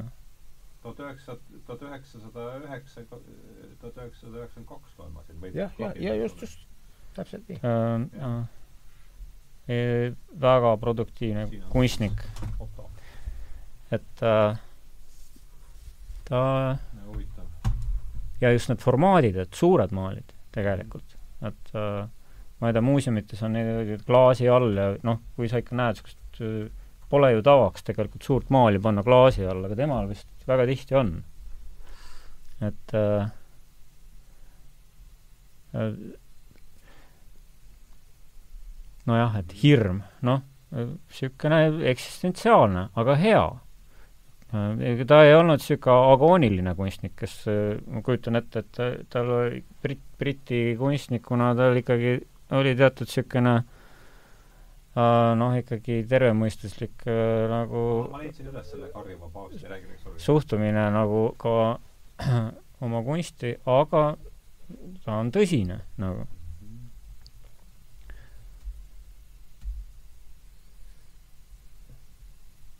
Aga jah, muidugi. kas see karjuv paavst ja noor paavst ei ole kuidagi midagi? ei tea. sa mõtled seda seriaali või? jah et noor paavst niisugune käib duši all ja teeb suitsu vahepeal ja et kas seal midagi, ma ei ole seda karjuvat paavsti näinud või? ja sellest on tal ka mitmeid versioone. ma vaatan sealt jah, mingi niisuguse kõnekama, et äh, noh, praegu, et saaks mingi ettekujutuse, ta on siis sihukene. no ei ole ka see, vot sihuke, noh, värvid ja kõik sihukene. Mm -hmm. on see, eks ole. Mm. -hmm, mm -hmm, et sinnakanti, ahah. No näed, jälle nime võrra, nime võrra rikkam, et vaatame, ta on, ta on jälle teinud siis Vikis on ta nime all äh, Innocentius kümnes on siis see. No seal on jälle näha, et, et ah, Velaskes on sam-, Velaskes on sama asja maalinud ma, või sama, sama paavsti maalinud. jah, võib-olla ta ongi see, ta, ta jah, tugineb. aga äh, jah, tema, tema see väärtus seisnebki selles, et ta nagu maalikunsti viis selle niisuguse loomaliku ja niisuguse nii-öelda päris meelde jääb. pärast, pärast Sa-, segamine ja naljad. pärast neid ilmasõdasid ja nii edasi, et viis, viis oma kunsti kogu selle animaalse niisuguse inimese nii-öelda jah, need aspektid, et aga, aga muidugi ega, ega siis kõik maalid ei ole sellised, osad on väga niisugused, väga leebed, lihtsalt hästi portreteerivad tema sõpru ja, ja ta on maalinud noh, väga erinevaid asju, üks maal on isegi vist minu meelest kas ko-, äh, keda ta maalis, Van Goghi vist on ta teinud midagi niisugune liikumises kuskil tüüpilises niisuguses Van Goghilikus niisuguses mingis maastikus, kus siis Van Gogh maalikast vist õlal või aga niisugune suht ekspressiivne ja et äh, -hmm. ja, jaa, ja loomi on ta muidugi maalinud vist koeri ja ahve ja ja nii edasi, no ka niisugused väga moonutatud ja mm -hmm. et ähm, panen kokku, on siis veel ja nüüd see, eks? jaa mm. -hmm. et tema on siis üks kindlasti tippudest nii-öelda tänapäeval, ja noh. no siis tuleb, no ütleme minule, kes kokkupuuted ju kujutava kunstiga on täpselt sellised äh, äärmiselt juhuslikud ja, ja ja, ja, ja, ja hüplikud, et mulle ta kuidagi, kuidas seda, kas munš või kuidas me peame seda, seda karri, kar-, kuidas, kuidas me peaks seda õigesti hääldama isegi seda? ma, ma arvan, et munk. munk, munk, jah. see, jah, munk oli ka üks minu esimesi niisugusi munš. noh,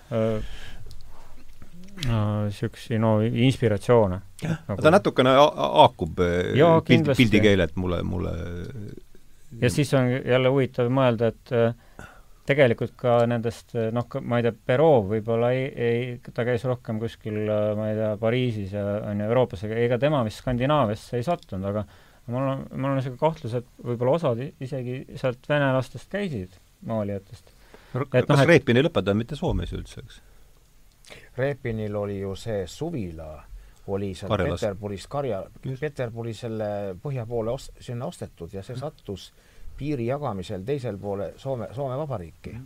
ta lõpetas elu Soom-, ju Soomes. jah, jäigi, jäi sinna alla, Soome võim oli peal ja pärast oli, vaat ma nüüd ei mäleta, pärast läks ta igatahes, kui see piir nihkus, siis sattus ta jälle Venemaa alla. aga siis ta oli vist surnud juba ja või vist ta lõpp-, ikkagi suri ikkagi Venemaalt väljas, ma ei mäleta ka. vist oli jah niimoodi. jah, ja siis eh, ka ma ei mäleta, kas see läks Budjonnõile, see maja, ei mäleta, võin segamini minna ja jah, kurat, ka see võis ka jah, võis, ei, seda pole kuulnud, mis ei tähenda, et ei võinud olla. Budjoniga oli olnud, et eh, kui teda mingi KGB läks arreteerima, siis ta oli, ma üks lugu kuulnud, et oli oma suvila, ta teadis, et tullakse, oli oma suvila rõdu peal seisnud kuulipildudega, Max Immiga tulistanud niimoodi, noh, ilmselt natukene napilt siis niimoodi. siis läksid minema ja pärast Stalin oli patsutanud talle avalikult, et nii peabki, vaadake, mis tema tegi, nii peabki käituma et noh, niisugune lugu, Venemaal on niisuguseid ka noh, võikapoolseid lugusid, mis samal ajal omandavad niisuguse jälle niisuguse kuidagi niisuguse imeliku kõla, mis jälle nagu köidab mingil määral. Aga see vist ikkagi no kui need, kui neid värve vaadata, ega siis see ei olegi üllatav üldse? ei ole üllatav, niisugused lood seal kaleidoskoop keerab mingeid uusi kujundeid ja siis need jälle kuidagimoodi võtavad niimoodi mitmekülgse ilme mm. -hmm. no ma mäletan ah,. jah, see lause jäi siin meelde, et et kui me ei usu muistseid kirjutisi, siis tuleks põhjendada, miks me neid ei usu, et see haakus mul kunagi selle Petersonilt kuuldud mõttega, et kõigi nende vanade, tea, vanade allikate kohta, et kõik, mis oli unustatav, unustati ära ja et kirja pandi ikkagi, kuivõrd juba see noh, kui mõelda, kui kallis oli raamat infokandjana, et siis sinna, siis sinna läks ikkagi kirja see, mis, mida peeti vajalikuks säilitada, mis tahes põhjustel. üks lihtne näide, mis on meil vanast ajast säilinud. Egiptuse kirjandusest pole midagi, püramiidid ja muu kujutav kunst. Babyloonia kirjandusest pole midagi, tsikuraadi jäänused ja niisugused, mis seal kõik on.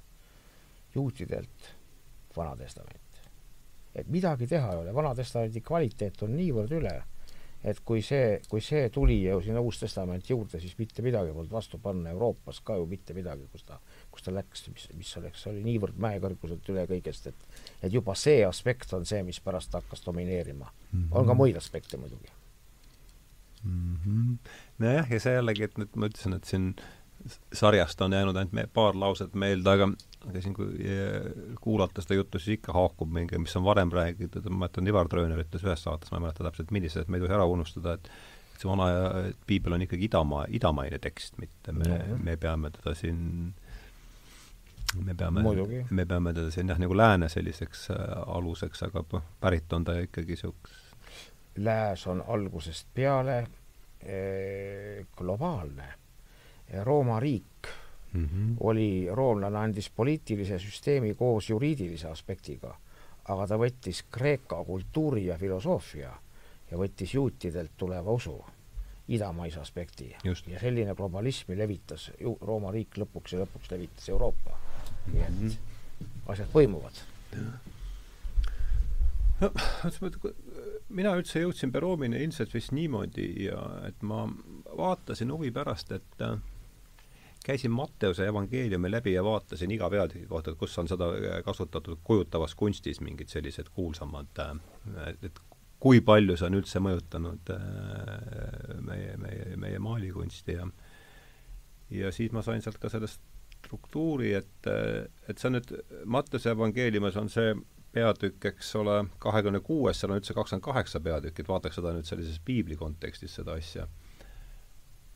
et ähm, see Perovi maal on siis kahekümne kuuendas peatükis, sealt edasi kakskümmend seitse on siis ristilöömine ja, ja kakskümmend kaheksa on ülestõusmine. on ülestõusmine jah, et see on, on üks makse, neid, jah, sellise ja, ja kakskümmend kuu või kakskümmend viis, ma vaatan, et ma olen võtnud sinna William Blake'i maali tähendamissõna kümnest neitsis, see eelneb nüüd vahetult sellele kahekümne kuuendale peatükile, et mis, kui nüüd see pall lihtsalt visata, et see tähendamissõna kümnest neitsist, et kuidas see võiks nüüd haakuda sellega, mis mis siin äh, nüüd edaspidi toimuma hakkab, kui selle asja religioossele poolele pöörame tähelepanu, et siin on no vot, Jeesuse, Jeesuse puhul on niimoodi, et äh, no kuidas ma võrdleks, räägi. ütleme, kui võtta Michelangelo näiteks või, või võtta mõni, mõni tuntud kunstnik või midagi Äh, siis ilmselt on temas midagi väga iseloomulikku, mis, mida ka ära tunneb.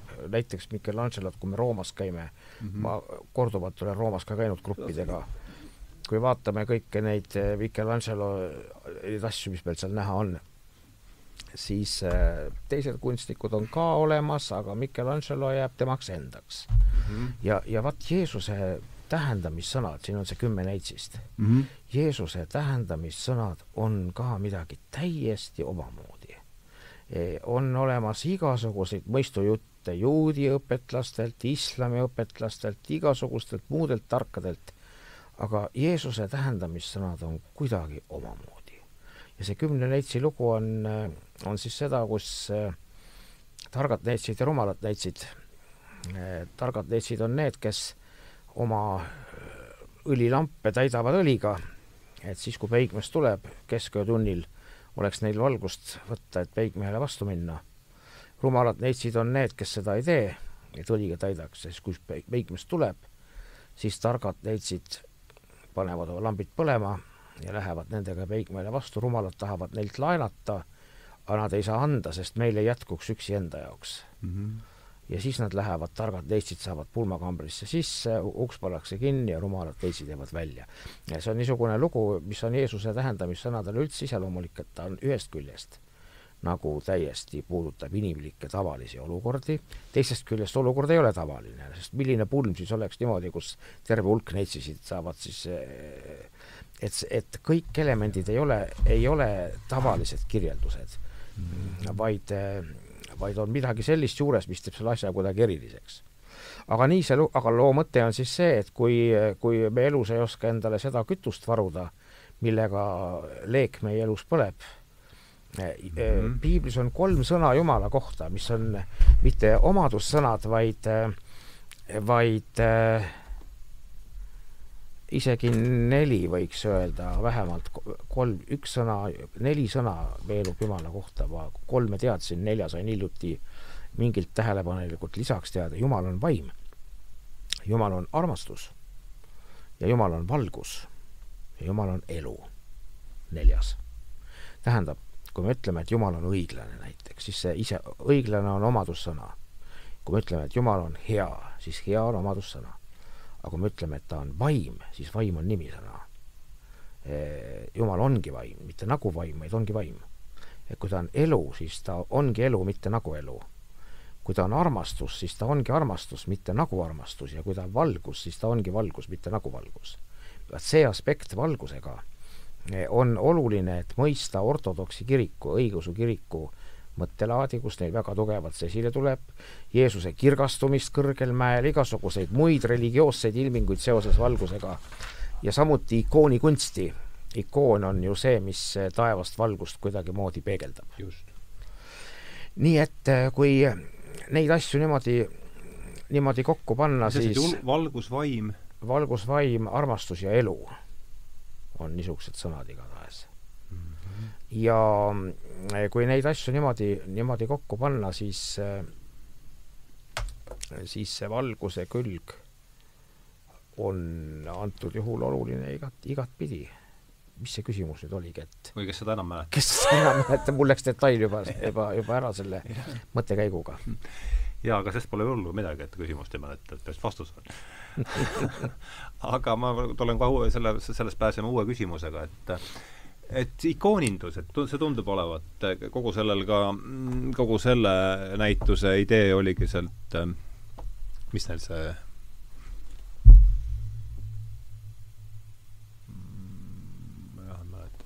et siin teie nimega ei eksi, et see ikooni, nad rõhutasid seda ikooni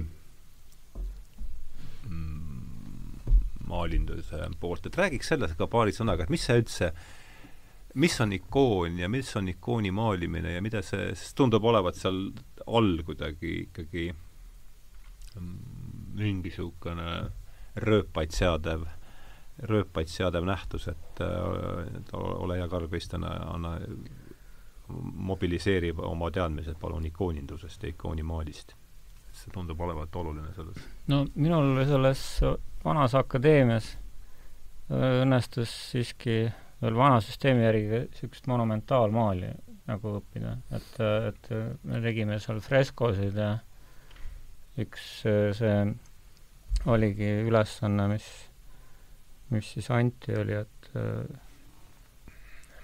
et võtta siis vabal valikul kuskilt kunstiajaloost mingi, mingi lihtsalt freskost mingi, kas siis kogu fresko või, või mingi osa ja siis teha sellest koopia nagu, et et äh, no et selle, selle kogemusega noh, et see kõik see veel see tehniline, kõik see ettevalmistus ja noh, see, sa pead väga hoolikas olema ja ja värvide kasutus ja nii edasi, et see on noh, niisugune ongi niisugune meditatsioon, on ju, Mhm. noh, nii-öelda ikooni maalimine on meditatsioon põhimõtteliselt.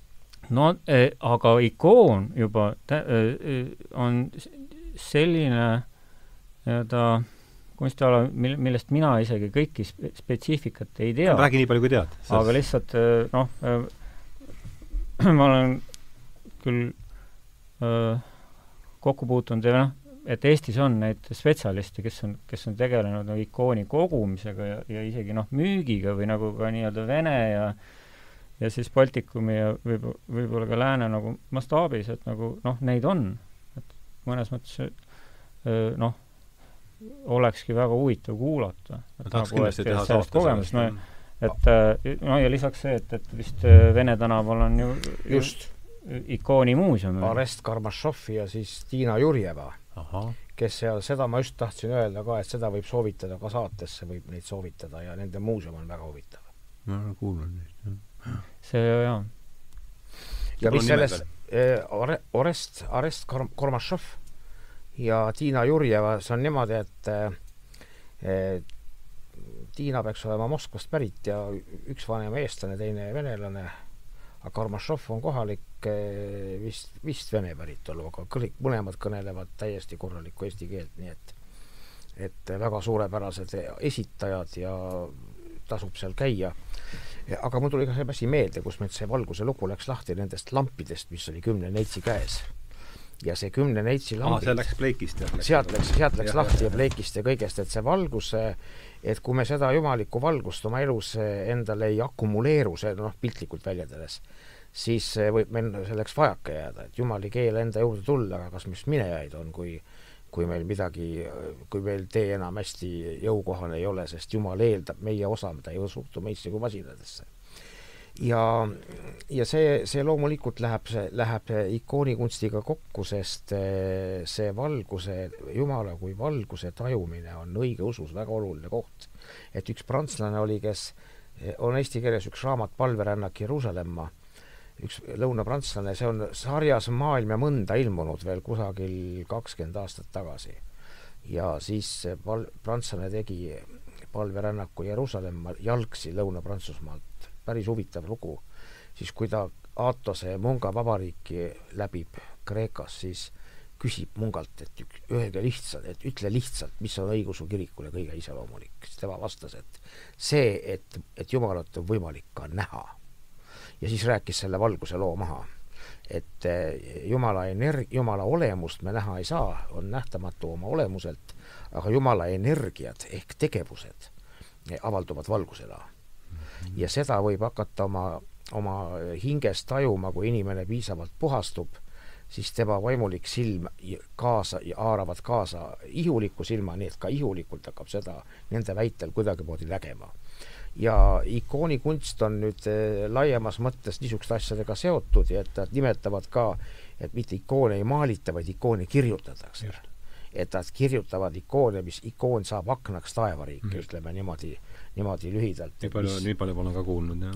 ja kusjuures, ja, ja see läheb ikkagi, kui nüüd samm tulla Vene ikoonikunstilt eh, tulla edasi ilmalikku maailma, siis on tagajärjeks üheksateist sajandi vene kunst mm. -hmm. Neil on kõigil eh, mingil ilmalikustunud, mingil määral ilmalikku konteksti toodud viisil see õigeusu valguse müstika taust.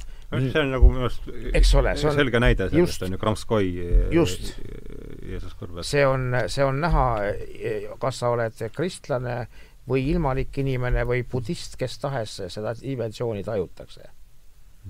Et sama asi on, ma olen mõelnud, et Vene staaretsid on metsas, et metsas või ka kloostrites on ka erakl-, erakli-, eraklased metsas olnud niimoodi, et et mingil moel niisugune habemega staarets, kes annab nõu, kas Vene kunstiboheemlane pole ka selle mingi ilmalikustunud versioon mm,? väga huvitav. et nad võivad ka olla nagu Jessenin, eks ole mm. -hmm. ta on äh, Staretsi institutsiooni jah, ta on, elab niisugust korratut elu ja ta, ta tegelikult läheb, lõpetab halvasti selles mõttes, et ta endale lõpu peale teeb ja niimoodi, et see asi on ka ohtlik mm, -hmm. tulega mängimine et meie Jumal on kõrvetav tuli, et kui sa, et õiguslikult on ka see väljend olemas või see arusaamine, et Jumala armastuse valgus on soe ja hea ega keela kedagi läheneda, aga kui sa oled ise, ise lähed omadega lurri, siis ta mõjub sulle kõrvetavalt.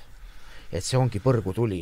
no see on nagu Ika, Ikaruse müüt kergelt või? jah, noh, see on, see on, ütleme, müüdina jah, aga ütleme, et et, et põrgutuli on Jumala armastuse valgus, mis mõjub kõrvetavalt nendele, kes selle jaoks ei sobi. et noh, kuidas keegi neid asju võtab aga see peaks olema mõistetav, kui seda niimoodi rääkida um vestluses on hea, hea see, et meid ei ole siin mingi stsenaarium meid ei, ei, ei seo, et, et siit on hea, teda enam, Dostojevski käis siit juba läbi ja, ja et just, et Perov oli üheaegselt nii Turgenev kui, kui Dostojevski, et meil on siin selle oluliste raamatute kursusel, mida ma, mida ma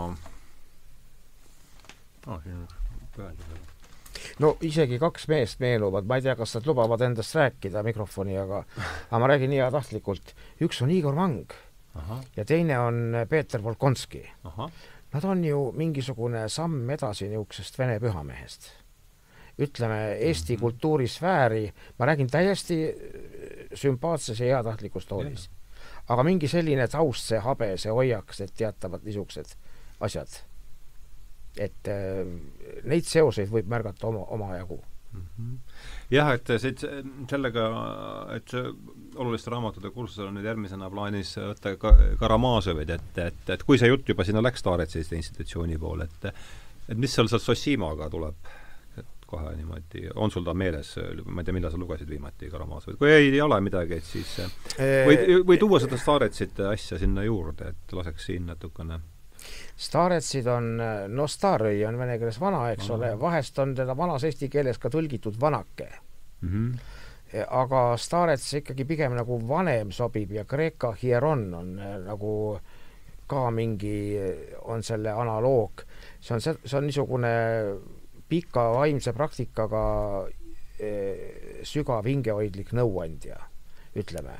üldiselt on staarets, võib olla, ta võib olla munk, kes elab kuskil näiteks metsas aastakümneid, nagu püha, püha Saarovi Serafim mm.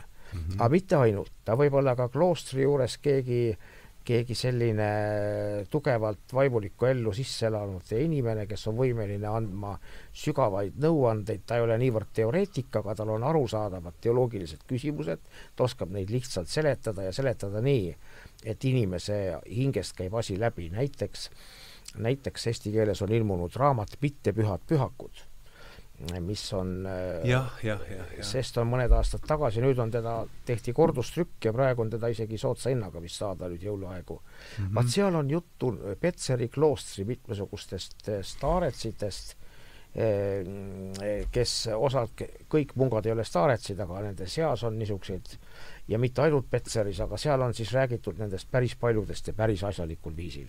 igasuguseid toredaid lugusid soovitan lugeda, kellel veel lugemata on.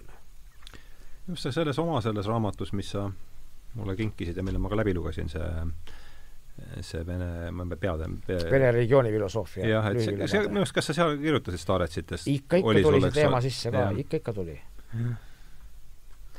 Ma just lugesin, seal ka Petseri kloostri puhul keegi kirjeldas, et et seal on mingi ka, kas seal on mingi niisugune suletum ala, et kus sa pead enam-vähem mingi loaga, ainult lastakse sisse, kus on vist see nagu nii-öelda koopad või, või, või koridorid, kus keldrid või kuhu on maetud siis läbi aegade. jah. munki, et äh, sa ise ei ole käinud seal? Äh, ma olen ainult lapsepõlves, aga ma mäletan, isegi minu meelest vanaisa ja, ja isa oli ka kaasas. et käisime nagu väga noorena mm. -hmm. aga kas me sinna sisse vist eriti me nagu kuskile, võib-olla kuskil seal hoovis ja õue peal. mina ei ole Koobastis käinud, aga muidu olen seal kloostris käinud. et ma kuskilt lugesin, et nagu mingi luba ja ise, lausa isegi niimoodi, et, et selle loa peab ikka päevi enne kuskil, ma ei tea, saama nii-öelda selle faksi teel, muidugi see on võib-olla juba iganenud info, info, aga, aga kes teab, mis seal Venemaal võib olla tõesti. Meil oli igatahes Aatose mungavabariiki minek, seal oli puhtalt viisaga. ah soo? jah, Kreeka piiri piirivalve kontrollis ja ainult viisaga sai. räägi sealt paar niisugust, mis sealt on pildikest, kuidas sealt Aatuse mungavabariik on tuhandeaastane vabariik, kus pole kunagi ükski naine käinud. salaja ei oska öelda, spekuleeritakse, et mõni on salaja käinud, aga seda ei tea, kui, kui on salaja käinud ja vahele pole jäänud, siis sama hästi kui pole käinud mm. -hmm. see on poolsaar, Halkidiki poolsaar, Põhja-Kreekas on niisugune kolmearvuline poolsaar kus kõige idapoolsem aru on siis ja ka sinna ei lähe ühtegi maismaateed, vaid ainult laevaga saab sõita. kakskümmend kloostrit on kunagi olnud üle vist ikka viis tuhat munkagi, aga praegu on ütleme tuhat ja kaks tuhat seal vahel on munkade arv. kakskümmend kloostrit, seitseteist on kreeklaste omad, üks Venemaa, üks Bulgaaria ja üks Rumeenia vist niimoodi oli. niimoodi, et äh, sinna saab ainult viisadega ja meil oli, olid tugevad eestkõnelejad, kes meid sinna viisid grupiga. naised jäid maha hotelli eh, ootama, mehed läksid siis, käisid, saime kolm päeva ära käia, siis seal vaadata. mis seal muud on, mungad on mungad, eh, vene kirikud ja ortodoksi kirikud on mõnes mõttes sarnased, aga lihtsalt, et niisugune täiesti meeste piirkond, küll ka väikene pealinnakene seal niisugune oma administratiivhoone ja oli ja noh, niisugused eh, midagi väga ei oska lisa, lihtsalt sa tead mm -hmm. seda paika ja see mägi on seal teine, Olümpose järgi on Naatose mägi kõige kõrgem, teine kõrguselt Kreekas ja seal mm -hmm. mäe otsa saab ka ronida, kui kellelgi on piisavalt aega. et seal, seal käia, seal läheb ikka terve päev läheb vähemalt ära mm. -hmm. sa ei ole ka sattunud sinna kanti? ei, ei jah, ma kindlasti hea meelega tulevikus lähen mm. -hmm. nii et Zosimaga sulle Karamazovitest midagi meelde ei tule? ei, selles suhtes millal sa Karamazovit lugesid viimati, oled sa lugenud? ei, ma ei ma lihtsalt pillan siia sisse, et kas on midagi noppida, aga see oli nüüd poosõngitsemine, et tuleb midagi, ei tule, siis selle vist jääb seekord ilma kalata aga ma proovisin jaa, aga krutiks natuke seda filmi tagasi, äh, seda, seda evangeeliumi filmi, et ähm, et just jäi meelde, kui ma seda, sellest Maali kohta lugesin, et sama, mis, millest siin juttu on, et ta võtab sinna äh, aeda siis kaasa kolm apost- või üngrit, kes on temaga äh, Jakobus, Johannes ja Peetrus, Peetrus, kes olid siis, olid see Jairuse tütrega üles äratamine, aga, aga kuidas see, mis on selle kirgastumise seda teoloogilist aspekti oleks huvitav äh, siin äh, aduda, et kas sa sellest järsku räägiksid natukene? Mm, kui võtta see seda on ju kunstis et, kujutatud ka nii, et mis see on, siis see tähendab seda, et äh, et äh, see valdkond, mida me taevaks nimetame, mis on teine dimensioon või teine tasand, ja kus on kirgas valgus ühtlasi, see hakkab teatud, teatud hetkel hakkab paistma maisesse maailma, see on nüüd vist taevasse võtmine. see on Rafaeli, see peaks olema kirgastumine. Trans-. ma arvan, et see on taevasse võtmine. ei, ma arvan, et see on kas siin ma arvan, ma ju, ju ei söanda praegu, aga ma arvan, et aga siin on igatahes all on terve hulk jüngreid, mitte kolm, ahah, võib-olla siis ma olen samal ajal ma ei tea, sellepärast et kaks kuju, mis Jeesuse kõrval seal on, on just Eelia ja Mooses, kes ilmusid kirgastumisel mm. -hmm. Nii et või on nad inglid jälle taeva minemisel, nii et ma vaatan, kontro-, väga hea, et see on ju võimalik, et ja ma kir eksisin siin. kirgastumise, ütleme nii-öelda tehniline külg on see, et taevane valgus hakkab paistma Eh, selle kaudu jüngrite silmad avatakse ja nad hakkavad nägema Jeesuse nii-öelda tagamaid mm. -hmm. ja mida sellega kõike Jeesus tahab teha, ta tahab seletada oma ülestõusmist, sest see on täielik unikaalsus mm. -hmm. Muhamed ei tõusnud üles, Buda ei tõusnud üles, igasuguseid prohveteid ja šamaane on, kes ei tõusnud üles mm. -hmm kui keegi on maa peal üles äratatud, kas ta oli varjusurmas või midagi muud juhtus, siis on see üks asi. aga selline asi nagu Jeesusega, ma ütlen, ma rõhutan, kas seda uskuda või mitte uskuda, aga loo struktuur on selline, et Jeesus muudetakse, mateeria muudetakse ja ta asub mingisse teise dimensiooni. Sellest ei saa keegi aru, sellel on kõigil väga raske taibata. see inimene, kes toob Jumala kõige lähemale, kes on kõige, kõige suurem, ütleme, Jumala ilmutamise virtuoos, tema lüüakse risti ja mis jama see kõik on tõuseb veel üles, ta räägib korduvalt ülestõusmisest, keegi ei oska seda mõista. mateeria muutmine, sa ütlesid, jah? jah. ja mm, Paulus kasutab ka seda sõna, meid muudetakse. ja et ajastu lõpp tähendab mateeria muutmist, nii et selles, selles kontekstis, kui praegu teadlased avastasid nüüd bosoni, siis bosonit, e, Higgsi boson, ta juba kuuekümnendatel seda teoreet-, teoorias väitis, nüüd kas oli kaks tuhat kolmteist või kaks tuhat neliteist on siis nüüd kindel empiiriliselt, et bosonite tasand, elementaarosakese bosonite tasand on olemas, seda on juba ammu nimetatud jumala osakeseks ja maailma lõpu osakeseks, et kui praegu Google'is otsida, siis panna otsingusõnaks boson, akadeemik ja maailma lõpp, siis kohe on näha mingi intervjuu kellegi Eesti, Eesti akadeemikult või kelleltki, kus ta ütleb, et jah, seda võib nimetada maailma lõpu osakeseks küll, sest sest kui bosoni tasandil midagi muuta, siis kogu universum lakkab. toimub täielik transformatsioon, nii et see on, ütleme siis võiks täna kõrvutada surnute ülestõusmisega, mitte et see peaksid samad asjad kõik olema, vaid et oleks mõistetav mm..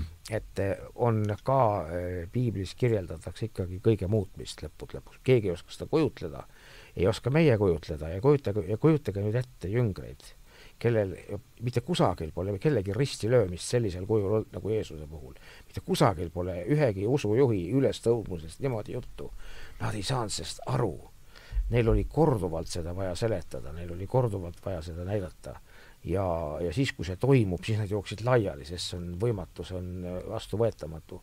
ja nagu ma olen öelnud, see läheb, lihtsalt läheb siia konteksti ja kujutage nüüd ette see täiesti võimatu asi lööb läbi, seda hakatakse uskuma, muutub kõige suuremaks usundiks ja mitte nende inimeste seas, kes oleksid kõige rumalamad, vaid kes on kõige targemad, läänemaailm mm. -hmm.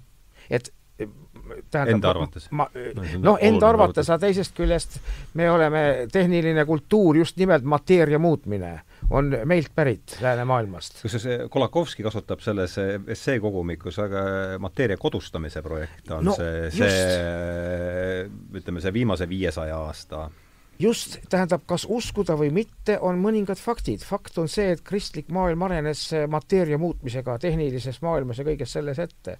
me võime olla kriitilised, et palju jama on kokku keeratud, aga millegipärast on see levinud Hiinasse, Jaapanisse, igale poole mujale, ka vanade kultuuridega maadesse mm. -hmm.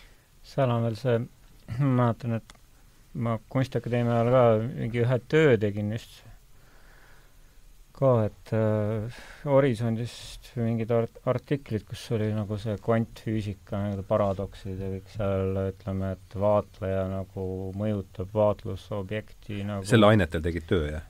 ma ühe maali tegin, jah. ahah, on sul see alles ka kuskil või? ei, ta oli niisugune, sinna oli nii mitmed elemendid sisse pandud, et seal oli isegi sellest Stephen Hawkingi näiteks äh, mingi portree ma maalisin sinna peale, et äh, aga noh, ja siis oli niisugune suur toru kiirendus, nagu meil on see nii-öelda elementaarosakeste kiirendi, on ju, ja, siis äh, mitmeid asju panin kokku ühte maali. niisugune on see alles sul või? ah, ei, maali ei ole alles. ma olen mõelnud, et teha uus versioon. väga huvitav. aga lihtsalt seal oli see jah, need siis äh, kvantfüüsika, need eksperimentide jah, katsetused, et, et mida nad siis, ja mida nad siis viitavad, noh, et äh, kui teha nende kõige väiksemate osakestega nagu katset, et noh, et siis jääb niisugune mulje, et, et vaatleja määrab ära asukoha. et kui, kui me jälgime ühte asukohta, aga me tuvastame, et ta on kahes kohas võib olla erinevas kohas, on ju, üheaegselt, on ju, ehk siis see sõltub meie va-, vaatlusposi-, noh, vaatlemisest mm. -hmm. mis nagu viitab jälle selles, et noh, see on nüüd jälle see teema, et et äh,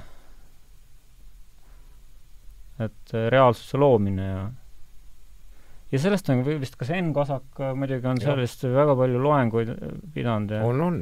Kasak on äge mees.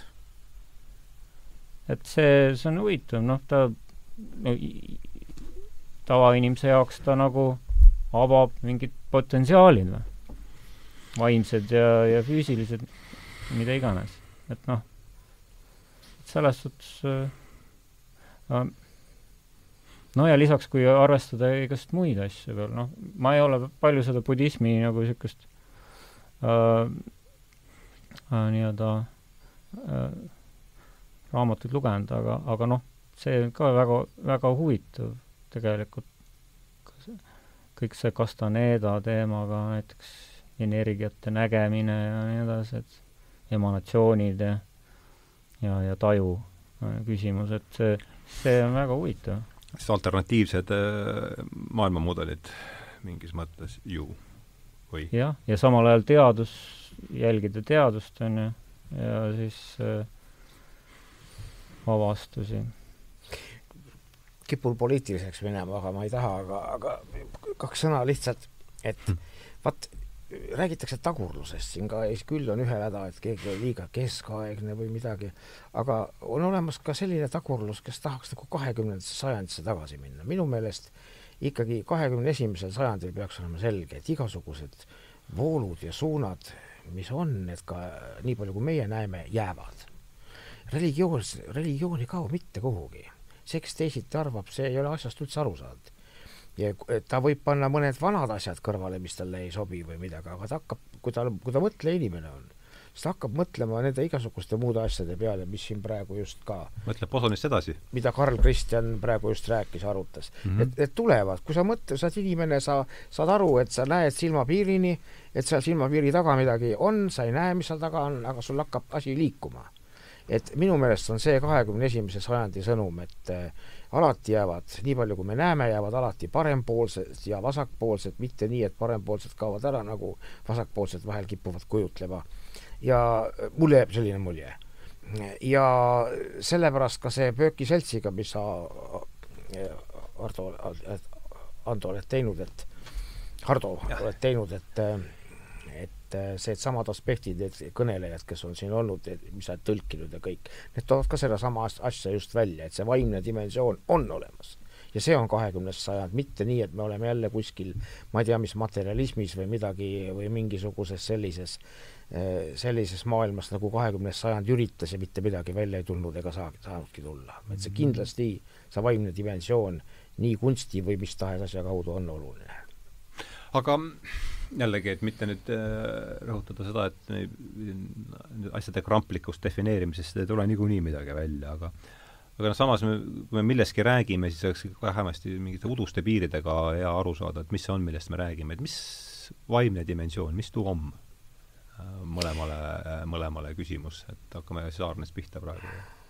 no mina ütleks, kui, kui, kui kiiresti ja lühidalt vastata, siis kindlasti vastus ei ole täielik, aga äkki oleks natuke ilmekas niimoodi öelda, et me sõnad peame kuidagi kasutama. kui me ütleme, et universum on tekkinud suure pauguga, siis võime öelda, et mateeria tekkis alates, suur pauk on ju ka piltlik. see jutt sinna juurde vahel, et ei olnud ju kõrva, kes seda pauku oleks kuulnud, siis siis see ei ole veenev jutt, sest ega seda keegi ei eelda, eeldatakse lihtsalt, et ta ju sai alguse mingist, mingist momendist ja sellisest mingil viisil et eh, mateeriat, mateeria hakkas olema suure pauguga. nii. mis siis enne oli? enne ei saanud olla olematust, sest kui olematus on olemas, siis ta ei ole olematus, vaid olemine. nii et seda vanad kreeklased tõid väga ilusasti Parmenides. Parmenides on jah, jah, tõid välja, et mitteolemist ei saa olla. Alati peab olemas olema olemine mm. -hmm. aga mis oli siis enne suurt pauku, kui mateeria eh, loodi suure pauguga, siis enne seda järelikult mateeriat ei saanud olla, pidi olema midagi muud ja vaat see midagi muu on vaim mm. -hmm. või logos Herakleitos ütles logos midagi, mis eksisteerib enne mate-, mateeriat siis? jah, Herakleitos ütles logos, Herakleitos oli Efesuse linna filosoof, viissada aastat hiljem elas Efesoses Apostel Johannes ja alustas oma Johannese evangeeliumit, alguses oli logos, alguses oli sõna.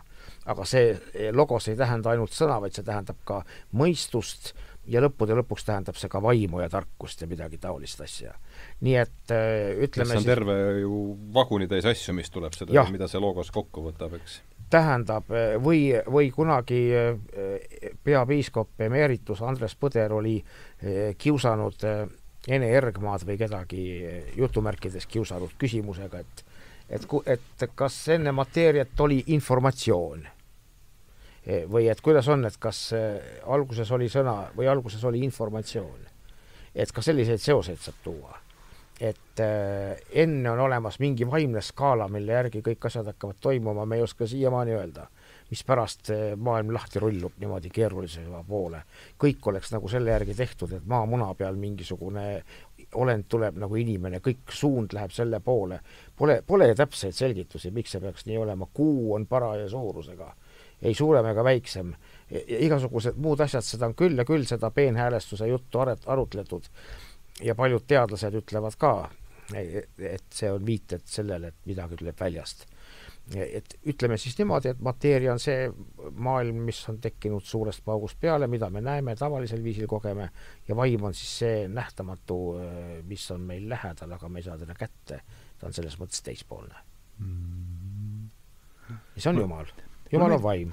Mulle meeldis selles äh, Tolstoi saates oli see sarnas äh,, oli see ruumiline lähedus, ajaline lähedus ja sarnasuslik lähedus, see kuidagi mulle sealt jäi kõrva kuidagi. et, äh, et ruumiliselt kaug-, ruumiline, ruumi, kui miski asi on väljaspool ruumi, kui ruum tekib, kui mateeria, ruum ja aeg on suure paugu järgsed nähtused mm, -hmm. siis tähendab seda, et enne suurt pauku aega ja ruumi ei ole ja lähedus, eh, kui minna sellega, Jumal on väljaspool ruumi, see vaim, kes on alati olnud, igavene mm, -hmm. siis lähedus temaga ja kaugus temaga ei ole mitte ruumiline, vaid sarnasuslik.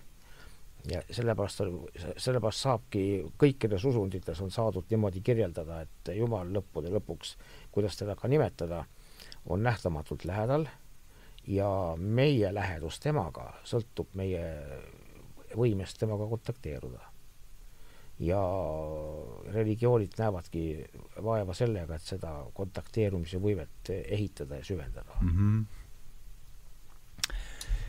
nii, Karl Kristjan, ole hea, vaimne dimensioon, kuidas sina, et noh, jällegi mis, mis see, mis see õigupoolest võiks olla, et me kuidagi anda sellele asjale mingigi sisu, et muidu on ju raske edasi minna. mulle meeldis see, mis arusaadav jutt minu jaoks, mis sina rääkisid, aga vaatame siit, Karl Kristjan, mis kuidas sina näed no ma oskan äh, läheneda lihtsalt isiklikust kogemusest, on ju, et, äh, et ähm, vaimsus, noh, see on äh, jah, mingi enese, mingi sisemise hääle kuulamine, et näiteks maalikunstis no, no ma lähtun tihti ka sellest, et et lihtsalt, et näiteks maaliprotsessis, kui sul ei ole mingit väga kindlat eesmärki või plaani, siis sa lihtsalt, sa lased sellel noh, ideel või kõik need elemendid, mida, mi-, mida sa siis lõpuks pead vajalikuks ku-, kujundada või äh, maalile kanda, siis, siis nad nagu, see on niisugune noh, et need ideed nagu tulevad kuskilt või äh,. ja tihti noh äh,, lõpptulemus siis on vastav. et äh, et ta ei olegi nii juhuslik või, või et mingid tähendused, tekivad seosed ja nii, noh, et see, see on see väärtus. nagu noh, ma ei tea, seda võib, ma ei tea, väga meditsiiniliselt kirjeldada, on ju, et see on lihtsalt mingi ajuprotsess või nagu mm -hmm. ja mis, ja kõik, mis äh, inimese peas on, on ju, nii-öelda see informatsioon mida ta eluaja jooksul on nii-öelda kogunud. aga noh, ütleme, see, see on jah, mingi individuaalne, isiklik va vaim minu jaoks on mingi jah, mingi allikas, mis no võib öelda, et on tasakaal, võib ka nii öelda, et tal on mingi kvalitatiivne mingi väärtus, et noh mm, -hmm. et kui äh, mingisugune selline sfäär, mis, mis loob noh, rahu või? Sisemine allikas. jah, sisemine rahu, ma ei tea. Mm.. tuleb meelde, ma ei tea, kas keegi käis vaatamas, aastaid tagasi oli film Fischerist ja tema Spassky, Reykjavikis toimunud matšist Spasskiga, keegi juhtus seda vaatama. seal oli mingi, nägid seda, ma ei mäleta, mis selle filmi nimi oli täiesti assotsiatiivne, ei mingit niisugust sisulist äh, jätku siit, aga et seal oli jah koht, kus see seal oli ka omad, Fischer võitles seal omade teemonitega, siis oli, pakuti, et panna talle rohu, noh, et suudaks matši lõpuni mängida, et ka mingit, oli juttu, et kas saaks rohud, rohud peale, tal oli keegi ka siis oli kirik, ma ei mäleta, mis, mis konfessioonis oli tal see usaldusmees ja see, et see, et see, et see oleks nagu äh, rohud peale panna, et see oleks nagu püha, püha allika betoneerimine. mulle see, see kujund jäi, jäi hästi. No muusikud kirjeldavad ka oma, oma inspiratsiooni selles samas kontekstis, see on ikka seesama kontekst. Mm. -hmm jah, siin ikka tuleb, kui vestluses osaledes tuleb ikkagi meelde midagi, mis siin on varasematest vestlustest jäänud meelde, et see oli Teet Toome ja Märt Läänemets, rääkisime ida mõttest ja religioonist ja see, et see lääne või tähendab ida mõte, et Jumal on viimase noh, esimeses isikus kõneledes, siis Jumal on viimase instantsi mina, et et see kõige, kõige, kõige kõige sügavam, mis igas inimeses on, et see saab siis kuidagi seal ringis kokku selle kõige noh, niimoodi selgitavad nemad seda oma asja. lihtsalt taasesitan selle jutu praegu, võtma seda selles kohta mingit seisukohta, aga tundus jälle niisugune midagi, mis jäi meelde, et see Atman ja mis ta on, Brahman saavad siis seal no, kuidas, kuidas sulle see jutt tundub, see? no Brahman on ikkagi, ütleme, Brahman on äh, ja Tao, hiinlaste Tao, need on ikkagi analoogsed Jumalaga mm. -hmm. ja vahe on selles, kuidas mõistetakse, kuidas kirjeldatakse. no ma ei saa olla erapooletu, ma olen veendunud, et see Natsareti prohvet on nii võimekas, ta lõi läbi. ta lõi läbi sellepärast, et ta oli parem teistest. religiooni vallas on ka konkurents, parem lööb läbi ja mm, -hmm. ja ja ta, seda, mis hiinlased või hindud on rääkinud, seda ei pea eitama mis seal õiget on, aga kui mõned, mõni dimensioon on, mida parandada tuleb meie aspektist, siis me seda teeme. ütleme niimoodi, et mis väga raskesti mõistetav on Jumala puhul, on ikkagi see personaalsus. et äh, see tuleb Jeesuse ilmutuse ja piibli kaudu välja, Jumal on personaalne, samal ajal lõpmatu, samal ajal vaim ja mis kõik ja seda ei pane, seda ei panda naljalt kokku, sellega peab kuidagi seesmiselt harjuma ja mõte peab selle see on ikkagi eesti keeles on ta isikustatud, mitte no vot, eks ole, et isikusta-... inimese kuju võtnud või kuidas, kuidas sa, kuidas sa saad personaalset aspekti sinna? personaalsus ilma, ilma, ilma piirideta mm. -hmm. kirjeldamatu, sest ütleme, see, tihtipeale küsitakse seda, et, et, et Jumal lõi inimese oma näo järele. juttu ei ole näost see sõna on äh, ikoon kreeka keeles, debut heebrea keeles, see tähendab kuju, kujutis, struktuur mm, -hmm. nagu struktuur on mingi kuju mm. -hmm. siis, et äh, Jumal on vaim, tal ei ole ihu ja inimese vaim on Jumalaga analoogne, meie vaimu struktuur on mm -hmm. Jumalaga analoogne yes.. aga väliskuju see on nagu Plato, platonistlikud just, äh... Platon on asja juures täitsa, täitsa lähedal. ju? jah sellepärast Platonit eh, õige, õigeusk kui väga vana kristluse viis Platoni filosoofiat kasutabki seletamisel üsna palju mm. -hmm. aga eh, väliskuju puhul on, kui Jumal ütleb piibli esimesel leheküljel, et tehkem inimesed oma, meie, meie näo järele, siis miks ta räägib mitmusest, siis on juutidel juba selline seletus olnud, et ta on inglite nõukogus, räägib jumal nii. ja inimese väliskuju on ingli sarnane, inglite sarnane. Ja kui vaadata igatahes piibli kirjeldusi, siis piiblites inglid on inimkujulised kuidas seda kokku panna, mida mütoloogiaks pidada, mida otseselt võtta, siin on seisukohad erinevad, aga kui me vaatame, jääme kirjelduste juurde, siis kirjeldused, eh, inglid on inimesetaolised, kusjuures ingel võib öelda, mina olen issand, sinu jumal. siit tuleb see mulje, nagu jumal oleks mingi mees.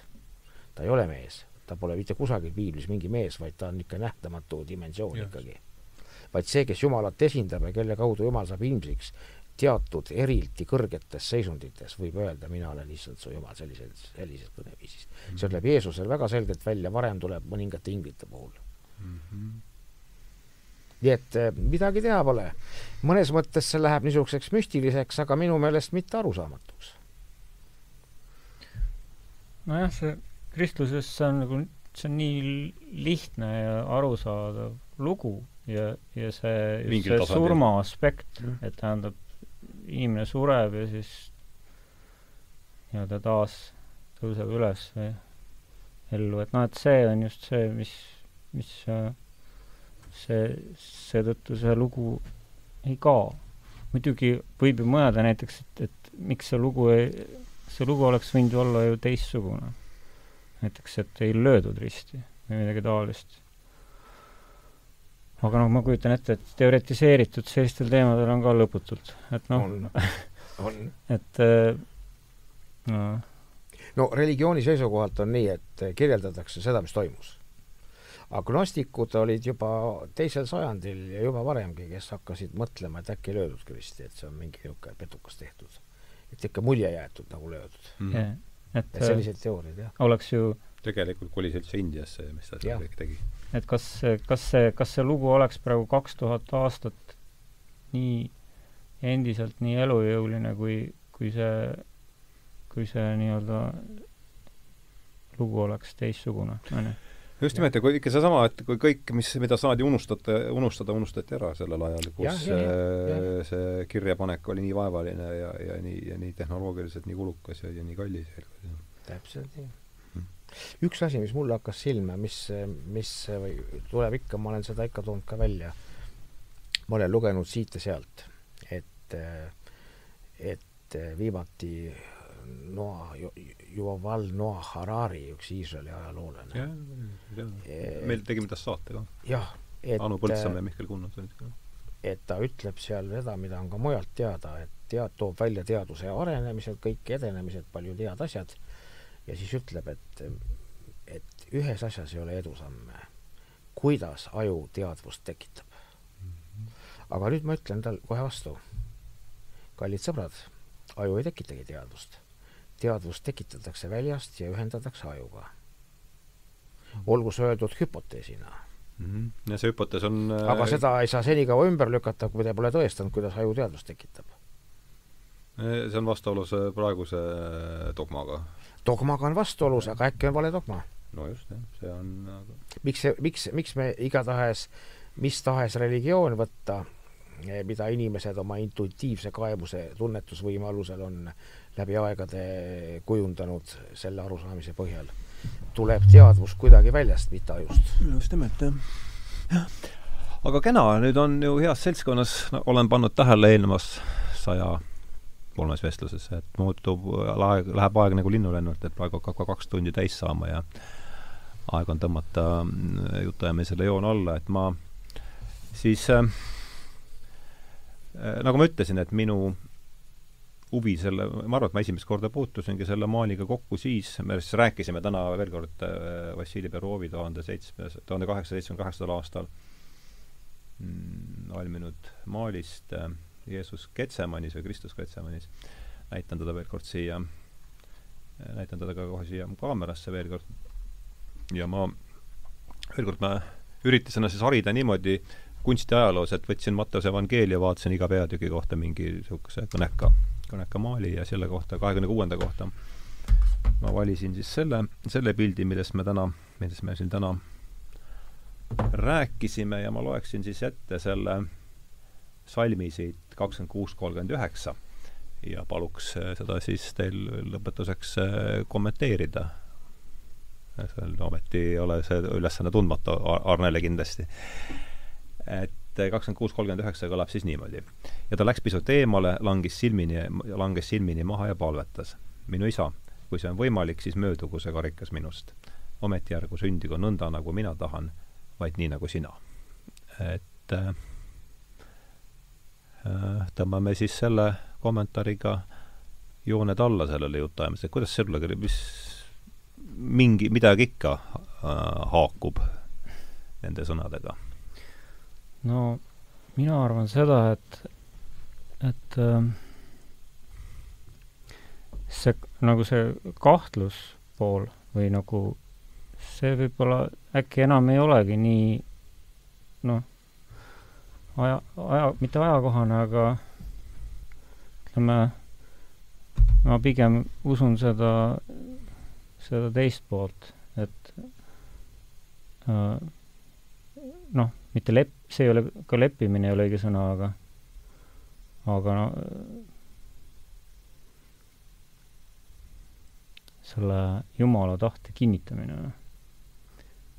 et sellega ma küll nõustuksin. no ma nagu praegu isiklikult lähen. seda ma tahtsingi. et jah, et see, see, see kahtlusmoment või see, et noh, et et mingi karikas läheks mööda või midagi iganes, see, see, mind see enam, enam nagu ei noh, ei puuduta nii väga.